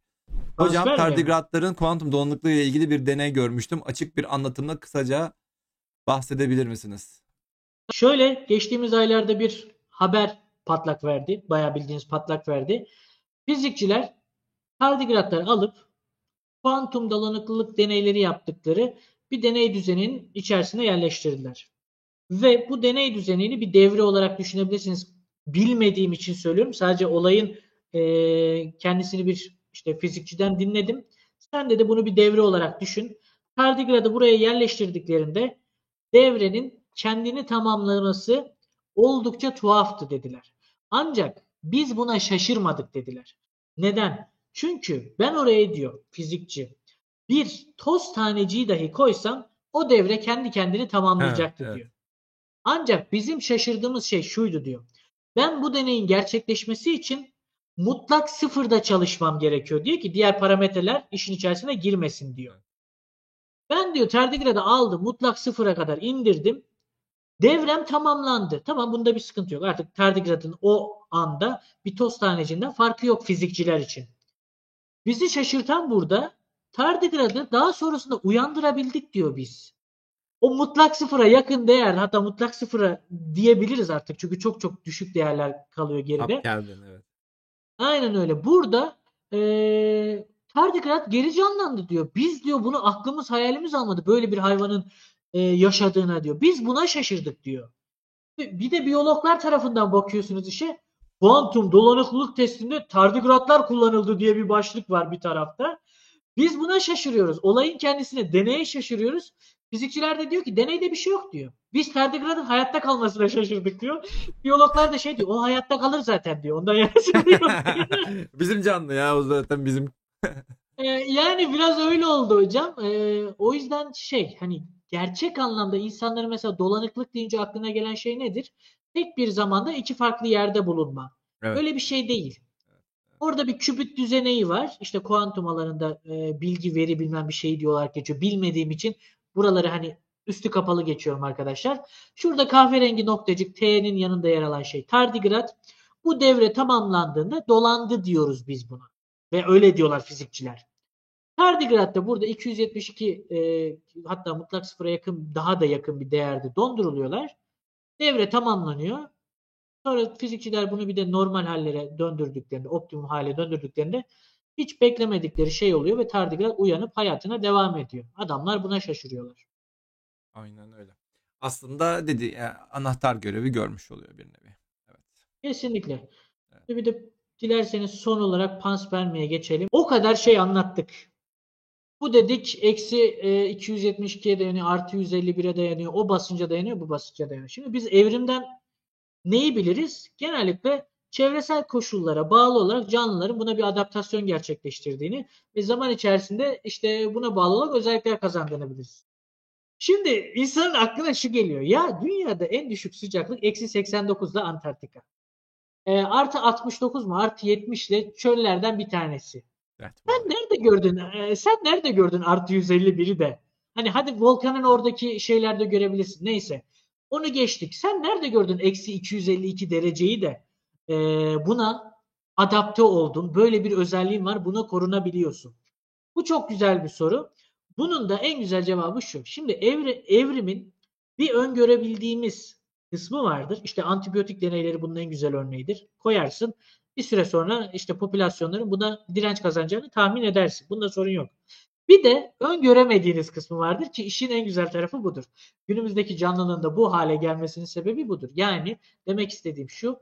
Belli çevresel koşulları verirsiniz ama öngörmediğiniz bir şey ortaya çıkar. Hı hı. Bu şeylerden bir tanesi de o anhidrobiyozis dediğimiz kriptobiyoz e, şeyinin e, özelliğinin kısacası sekonder olarak yepyeni özellikler kazandırması hayvana. O artı 151'ler, eksiler vesaire o özellik sonucunda ortaya çıktığı düşünülüyor. Hal böyle olunca akıllara şu soru geliyor. Hani evrimsel kısmını bir geride bırakırsak hani evrimsel kökenini anlattık ya. Onu da şöyle bir es geçersek ya acaba başka bir gezegenin çevresel işte koşullarına adapte olmuş daha sonrasında bir işte ejecta ile bir meteorla dünyamıza gelmiş olabilir Olamaz mi? Evet. Olamaz mı Kuyruklu diye yıldızlar. öyle bir Evet. kesinlikle hocam bir soru soruluyor. Ve bu soruyu cevaplamak için de araştırmacılar durur mu? Yapıştırıyor deneylere. Bu deneylerden ilki nasıl bir böyle bir senaryoda kuyruklu yıldızın veya işte ejectanın sahip olduğu çevresel e, koşullarını bir taklit ediyorlar. İşte ilgili düşük sıcaklıkları vesaire vesaire taklit ediyorlar. Ancak bunu dört tane farklı organizma için yapıyorlar. Onların da kriptobiyoz adı verilen yine bilindik korunma şeyleri var. Bunlardan bir tanesi tardigrat, tekerlek hayvan dediğim rotifer, şurada yılana benzer olan nematod, bir de diatomlar. Bunlar dayanıklı oldukları bilinen canlılar. Neyse. Bunların içerisine de diyorlar ki e, virüs ve bakterileri içine enjekte edelim. Kendileri yaşamasa bile vektör görevi görsünler. Taşıyıcı görevi görsünler. Yani daha doğrusu görebilecekler mi? Bunu soruyorlar. Sonrasında laboratuvar ortamlarında gerçekleşiyor bu. Uzaya falan yörüngeye oturtturulmuyorlar. Laboratuvar ortamlarında düşük sıcaklık, yüksek sıcaklık bunlara uygulanıyor. E, aralarından en beklendik şekilde tardigratlar üstün çıkıyor ve olası bir taşımada tardigratların dünya üzerindeki en ideal hayvan olabileceği hatta en ideal canlı olabileceği ortaya atılıyor. Bu böyle nispeten e, şeyde yapılan bir deney. E, normal laboratuvarda yapılan bir deney. Şimdi bir sonraki deney e, panspermiyanın çok daha tuhaf bir tarafına odaklanıyor. Dilerseniz e, bir sayfa geçebiliriz hocam. Hocam burada size de sormak isterim. Bu iki görsel arasında nasıl bir bağlantı olabilir? Panspermiyada karşımıza çıkan en büyük sorunlardan bir tanesi bu. Bağlantı olabilir. Tabii. Birisi Bir yerde kontrollü mermi atış, ateşi- birisi kontrollü atış, diğeri kontrollü atış mı? Yok. Şöyle mermi hedefi bulduğunda ortaya bir şok basıncı çıkıyor. Ejecta ya da bir meteor da işte ilgili gezegene çarptığında Orada da bir şey. ortaya muazzam miktarda bir şok basıncı çıkıyor. Şok basıncı da otomatikman canlının organizmasını paramparça edebilecek tabii. şiddetlere varabiliyor. Tabii. Bu e, astrobiyolojide daha doğrusu panspermi hipotezinde en dikkat edilen noktalardan ve en zorlu noktalardan bir tanesi. Dilerseniz bunun deneyine geçelim hocam hızlıca. Çok fazla vaktini almayalım izleyicilerimizin. Burada da çok tuhaf bir şey yapılıyor. Tardigratlar tüm formuna gir, e, sokuluyor. Ardından bu tüm formu bir mermi şeklinde buzun içerisine yerleştiriliyor. Sonrasında e, gaz tabancasıyla çeşitli kademelerde basınç ayarlanıyor ve ateş ediliyor. Şimdi gelelim sonuçlara. Evet. Sırasıyla saniyede 556 metre hızla o buz mermisi kumdan hedefe vuruluyor, parçalanıyor, parçalar toplanıyor. Tardigrat yaşıyor mu, yaşamıyor mu bakıyorlar. Tardigrat yaşıyor. Ta ki saniyede 0.86 kilometre yani 860 metreye kadar.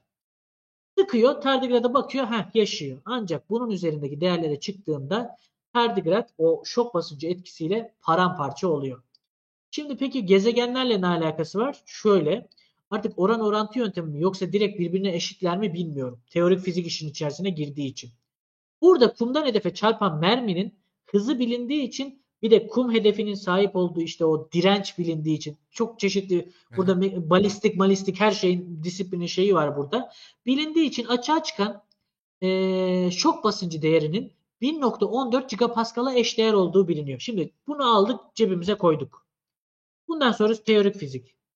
Dünyadan fırlayan bir ejektanın işte bir e, taş parçasının aya çarpması durumunda diyorlar ki saniyede 1.13 kilometrelik bir hızla çarpabilir. Bu da 2 gigapascal'a eşdeğerdir. Haliyle bizimkinin üstünde. Hal böyle olunca bizimki bu şok basıncından hayatta kalamayabilir. Şimdi aynı şeyi Mars'la Phobos için düşünelim. Mars'tan bir ejekta fırladı. Phobos'a çarptı. Burada da şöyle diyorlar. En iyi senaryo ve en kötü senaryo gibisinden konuşuyorlar. Saniyede 1 kilometre hızla da çarpabilir, 4,5'la da çarpabilir. Hadi 1 kilometre hızla çarptığını varsayalım. 860'a oldukça iyi, yakın ve çeşitli sebeplerden dolayı da diyelim ki en korunaklı yerinde ejektanın tardigrat. O zaman hayatta kalabileceğine yönelik bazı düşünceler var. Ama burada da şöyle bir handikap var. Ay ile Dünya arasındaki mesafeden çok daha uzun. Mars'la Phobos arasındaki mesafe. Bu yüzden nispeten o arada geçen işte süre zarfında çok daha fazla çevresel strese maruz kalacak. Bu yüzden hayatta kalma ihtimali biraz daha düşük diye Ha. aktarıyorlar. Bu sadece bulunduğu noktadan fırlamak için değil yani bu aktarım için değil örnekleme için de çok güzel bir deney. Ne demek istiyorum? Güneş sisteminde canlılığın işte e, barınabileceği birkaç tane uydumuz var. Bunlardan bir tanesi Europa, bir tanesi ise Enceladus. Ne Cassini tarafından yanlış hatırlamıyorsam gözlemlendi. Hatta Enceladus. Cassini tarafından ziyaret edildi ve örnek alındı. Evet. Şimdi hocam bir sonraki sayfaya geçerseniz direkt onu da anlatayım ve yavaştan anlatımın sonuna geleyim. Enceladus'u örnekleyen Cassini örnek aldığı alanına o geyserlerden, Enceladus'un geyserlerinden açığa çıkan e, şeyi artık su diyeceğim ben ona ama su olabilir herhalde yanlış demek Evet. doğru olmaz. O suyu dedi ki 5 kilometrelik bir hızla e, örneklem tahtasına, örneklem metaline, yüzeyine çarptığını tespit etmiş. Şimdi 5 kilometrelik bir hız bizimkinin e, baya baya dışında. Yani öyle bir şey söz konusu değil. Burada ne demek istiyorum bir de onun bahsini geçireyim. Eğer ki Enceladus içerisinde, Enceladus'un okyanusları içerisinde tardigrada benzer dayanıklılık değerlerine sahip bir canlı olsaydı 5 kilometre üzerinde olduğu için hız onu canlı bir şekilde örneklememiz söz konusu olmazdı. Burada anlatılmak istenen budur. Peki e, hala işte bizim dayanabileceğimiz 860 metrenin üstünde. Peki bunu indirebilir miyiz? Bunu da çok tuhaf bir şekilde işte 2015'te yanlış hatırlamıyorsam bu örnekleme yapılırken 2012 senesinde araştırmacıların birkaçı çıkıp şey demiş. Aerojel gibi bir madde kullanırsak Hı hı. saniyede 6 kilometre hızla bile gelse biz bunu 1 gigapascal'lık e, şok basıncı değerinin altında absorbe edebiliriz. Yani tutabiliriz demişler. Eğer ki böyle bir şey söz konusu olabilirse Enceladus'un içerisinde ya da Europa'nın içerisinde Europa'nın durumu biraz daha farklı. Yörüngesinden dolayı çok daha yüksek bir e, örnekleme e, hızına erişiyor. Yani 5 kilometre değil de daha yükseği. Hal böyle olunca Avrupa'da başka dertler de var zaten. Avrupa Jüpiter'in manyetik alanının içerisinde direkt içerisinde olduğu için oradaki e, orada ekstra stresler de var. Muhtemelen çok muhtemelen. Bu yüzden Enceladus için düşündüklerinde olası hani tardigrat değil işte tardigradı bizzat orada bulmak yine çok tuhaf olacaktır da ona benzer dayanıklılık mekanizmalarına sahip bir canlı varsa canlı bir şekilde örnekleyebiliriz ve zaten bir şeyi canlı bir şekilde dünya harici bir yerde örneklersek siz zaten tahmin edebiliyorsunuz. Zaten tahmin edebiliriz. Evet. Ee, burada da aslında e, e, fotoğrafın içerisinde evet tardigrat konulmuş ama böyle bir şey gözlenmedi. Oradaki Cassini'nin gözetlediği evet. şey hidrojen gazıydı. O hidrojen gazının da aslında Enceladus'un alt okyanusun yani yüzey kabuğunun buz yüzey kabuğunun altındaki okyanusun da altında e, hidrotermal bacaların olduğu e, evet. diye bir e, bakış açısı vardı. Bir bir bir çözüm vardı. Bir bir, bir sonuç vardı. Hı. Yani canlılıkla alakalı zaten bir şey yapacak durumu yoktu Cassini'nin. Çünkü üzerinde öyle bir bilim enstrümanı yoktu. Sadece üzerinden ona çarparak geçti. O şeyin içinden evet. geçti. Tam olarak içinden de değil zaten. Biraz yani o suyu, suyu alarak geçti ama dokunarak geçmiş oldu ama yani o suyun içerisinde neler olabileceğini araştıracak bir bilim enstrümanı yoktu. Onun için bir sonraki misyonu beklememiz gerekiyor. Bu da en azından 10 sene, 15, 20 sene bir mevzudan bahsediyoruz.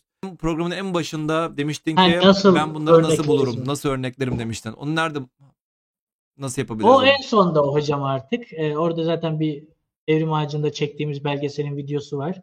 Orada ilgili noktaya alırız. Ben direkt anlatırım ve hızlı bir şekilde bitiririz orada da. Hocam ben size söyleyeyim. Mesela burada durduralım. Hemen anlatayım.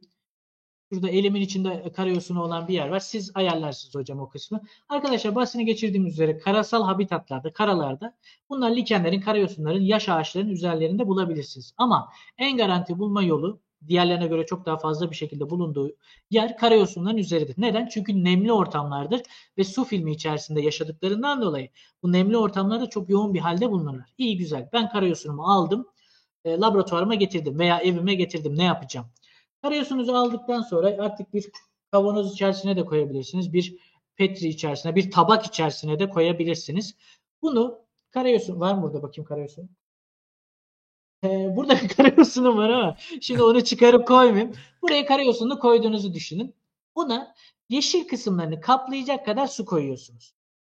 Koydunuz şöyle bir iki saat zaten yaştır o karayosunu. Eğer ki topladığınız zaman işte yaş bir dönemine denk geldiyse.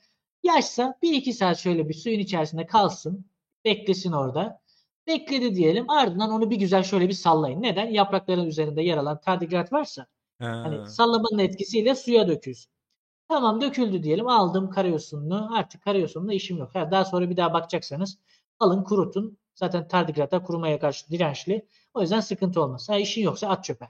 Neyse bizim işimiz artık buradaki suyla. Çünkü bu su içerisinde potansiyel olaraktan tardigratların olduğunu düşünüyoruz. Şimdi bu suyu inceleyelim. Burada bahsini geçirdiğim şeyi yapıyorum hocam. Karyosunu alıyorum. Bakın sallıyorum. Bakın sallıyorum da. Nasıl Yalnız şey... e, burada şunu da söylemem gerekiyor. Bakın arkadaşlar şu iki tip aynı kişi. Evet. E... şu iki tip aynı kişi başkası değil yani. Baştan söyleyelim. Kesinlikle öyle. Zaman işte acımasız diyelim. Heh, mesela burada Kaç kalabiliriz hocam. Kaç yaşındasın zaman acımasız? Orada kaçım ya? 22 falanım. 3 sene. Ee, 3 sene önceki hali. Aynen zaman acımasız. Şimdi çok acımasız. Bakın orada mikroskopun altına işte ilgili o sulu çözeltiyi koydum. İçerisinde tardigratların olduğunu düşünüyorum. Az önce hocam şey tardigratları gösterdim ya. O mikroskop görüntüsüydü. Görebilirseniz bunu açabiliriz. Heh o. Bakın şimdi böyle bir durumla karşı karşıyayım. Bu durum işte sizin gözlemleyeceğiniz mikroskoplarda karşınıza çıkacak. Burada iyice ortamı analiz etmeniz lazım. Başlatabiliriz hocam burada. Şurada burada Aa, ipini koparan burada. Aynen. onlar, onlar, ya onlar biz öyle ne dokunduğumuz şeyler böyle bir şeyler mi ya? Kesinlikle şey karayozunların üzerinde böyle şeyler var. E, sarı ok ile gösterdiğim şey tardigrattır. Bakın bir iğne ucu kadar e, denmesinin Niye rahatsız ediyorsun? Burada... Neyse. O şey istemediğim materyalden ayırıyorum diyeyim ben. Aynı zamanda dürtüyorum. Niye Tardigrad'ı alıyorum. Daha temiz bir yere koyuyorum hocam. Ardından buraları atlayabiliriz. Lamlamel arasına sıkıştıracağım burada. Şurada bir tane de op, e, kompakt mikroskopta bir görüntüm olacak. Heh, burası hocam. Aldım ben onu. Lam lamel arasına sıkıştırdım bulduktan sonra. Ee, ve kompakt mikroskop içerisinde görüntülediğimde kırklık büyütmede bu şekilde. Ne Hayta yapıyorlar bunlar geliyor. burada ya? Hayatları ne yap nedir bunların? Amaçları nedir? Dertleri ne ya? Ne çalışıyorlar? ya ekolojik nişleri işte bir şey yiyeyim, bir şey dönüşsün. Hep dönüşüm hocam. Şöyle söyleyeyim bizim e, bu ilkin hani ayıklamayı yaptığımız mikroskop biraz gelişmiş bir mikroskop. Arkadaşlarımızın muhtemelen lise laboratuvarlarında bunlar yoktur. E, bu kompakt mikroskoplarda çöllemesine o suyun içerisine bir tane işte pipet daldıracaklar. Çekecekler. Rastgele lamlamel arasına sıkıştıracaklar. Tardigrade oradan bulmaya çalışacaklar. Çünkü Böylelikle teker teker zor. bulabiliyorsunuz. Vay. Tabii tabii. Kesinlikle. Hoppa. Evet, akademik hayat acımasız. Bakterileri, ayıklar ve bakterileri görün bayılacaksınız. Evet yani biyolog olmak da kolay iş değil. Kesinlikle. işte. Evet, e, pro- iki saatimizi geçirdik. Şu anda son birkaç tane daha soruyu alalım. Ondan sonra programın birinci bölümünü kapatalım. Boyutu kaç Nasıl? mikron denmiş? Sanırım kaç? Şöyle söyleyeyim. 1 milimetre ile 0.250 e, mikrometre arasında değişiyor. Yani milimetrenin dörtte biri ile milimetrenin kendisi arasında değişiyor. Okey. Eee, ha genom analizi. Genom analizi mi yapıldı mı? Genom, ana- genom haritası çıkartıldı mı? Yapıldı hocam. Onlardan yana sorun yok. Şey gibi söyledim. Yaptınız mı? Yaptık hocam. Sorun yok. Yaptınız. Yumurta ve sperme eklesek ve bu geni kullansak sonuç ne olur? Bunu bilemem. Etik ihlal.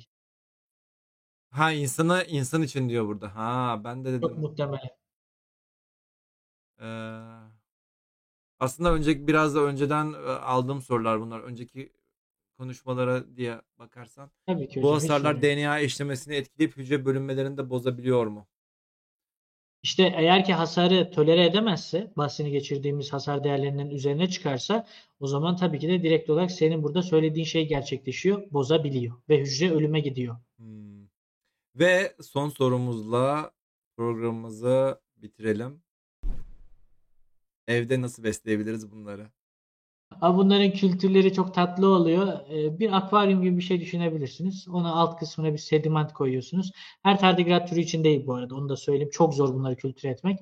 Ee, o sedimenti yaydıktan sonra bir tardigratları alıp onları zamanla alglerle besleyip büyütmeniz falan söz konusu olacak ama hocam yani bahsini geçirdiğim üzere öyle popülasyonun çökmesi çok hızlı oluyor. Yani biri öldü mü hepsi gidiyor gibi düşünebilirsiniz. Ha, dayan birbirlerine dayanamıyorlar diyorsun. Yani genelde şey birini etkileyen stres faktörü diğerini de etkiliyor ya. Hal böyle olunca to- toplu bir kıyıma sebebiyet verebilirsiniz. Yani çok hassas aslında burada dolandığım kelime bu. Çok hassas bir dengeye sahip. Tamam, son soru demiştim. Bir son soru daha. Madem ev, evinde besliyorsun, eğitebilir misin? Valla otur kalkı dinler mi bilmiyorum ama yani muhtemelen şey bu değerleri gördüğümüzde onun bize hani eğitmek istedikleri şeyler olabilir. Bakın arkadaşlar Ha, bu kadar bak böyleyim. böyle dayanırsın. Aynen öyle. Aynen. Aynen öyle. Akıncım çok teşekkür ederim geldiğin için. Gerçekten tardigratlar hakkında baya baya bilgi edindik. Bizim için zaten çok farklı bir canlıydı. Çok farklı e, şeyleri olan bir bir yaratıktı. Daha da çok e, bilgi aldık. Daha da fazla şeyler öğreneceğiz gibi gözüküyor. Sadece bununla da Kesinlikle. bitmeyecek. Ve belki de e, programın ortasında da zaten bunlardan bahsettik. Tardigratlarda öğrendiğimiz şeyleri kendi DNA'mıza, kendi vücudumuza da uygulayabileceğimiz bazı yöntemler keşfedersek sonra bir bakmışsınız daha uzun yaşayan, daha zor şartlar altında yaşayan, işte volkanların içerisine girebilen, aya gidebilen, işte ne bileyim böyle bir canlılar haline gelebiliriz. Uzayda Elbette. şey güneş uzayda güneşlenen diyelim böyle direkt kıyafetsiz gü- gü- güneşlenen insanlar haline gelebiliriz. Kim bilir? Böyle durumlar olabilir gelecekte yapacağımız araştırmalarla. Bahsini geçirdiğiniz üzere bunun oldukça ucu açık artık nasıl bir e, yönde evrileceği, daha doğrusu nasıl bir ön- e, yönde teknolojinin buna yön vereceği oldukça muamma ama potansiyeline baktığımızda sizin dediğiniz yönlere doğru evrilebilir. Kapatmadan önce son bir kez şunu söylemek isterim. Bahsini geçirdiğiniz üzere ben bir master öğrencisiyim. Şimdiye kadar anlattığım bilgiler e, hali hazırda okumuş olduğum makalelerden derlemiş olduğum bilgiler. Bu bilgilerin hepsine e, çalıştığım yer olan Evrim Ağacı'nda zaten e, yazdım. Arkadaşlar oradan kaynağıyla beraber ulaşabilirler ve bunun dışında Türkiye'de benim dışında çalışan hocam var. E, Duygu verdi hocam. O benden çok daha yetkindir. Bugün hani nispeten ben sizin karşınıza çıktım. O yüzden ben anlattım. E, kendisine de buradan bana öğrettikleri için çok teşekkür ediyorum Biz ve aynı zamanda işte ederiz. Aynen. De teşekkür kesinlikle bu şekilde hocam. O zaman eee, o zaman haftaya görüşmek üzere diyelim. Yayınımızı beğenmeyi unutmayalım. Lütfen Hı hı. beğen tuşuna basınız. Eğer abone değilseniz bakın biz böyle programları her hafta yapıyoruz. Çok da güzel oluyor. Çok güzel konuklarımız oluyor. Çok güzel konularımız oluyor. Ve Hı hı. her hafta yeni yeni bir şeyler öğreniyoruz. Onun için kanalımıza da abone olursanız çok mutlu oluruz. O zaman haftaya görüşmek üzere. Kendinize iyi bakın. Bay bay. Hoşça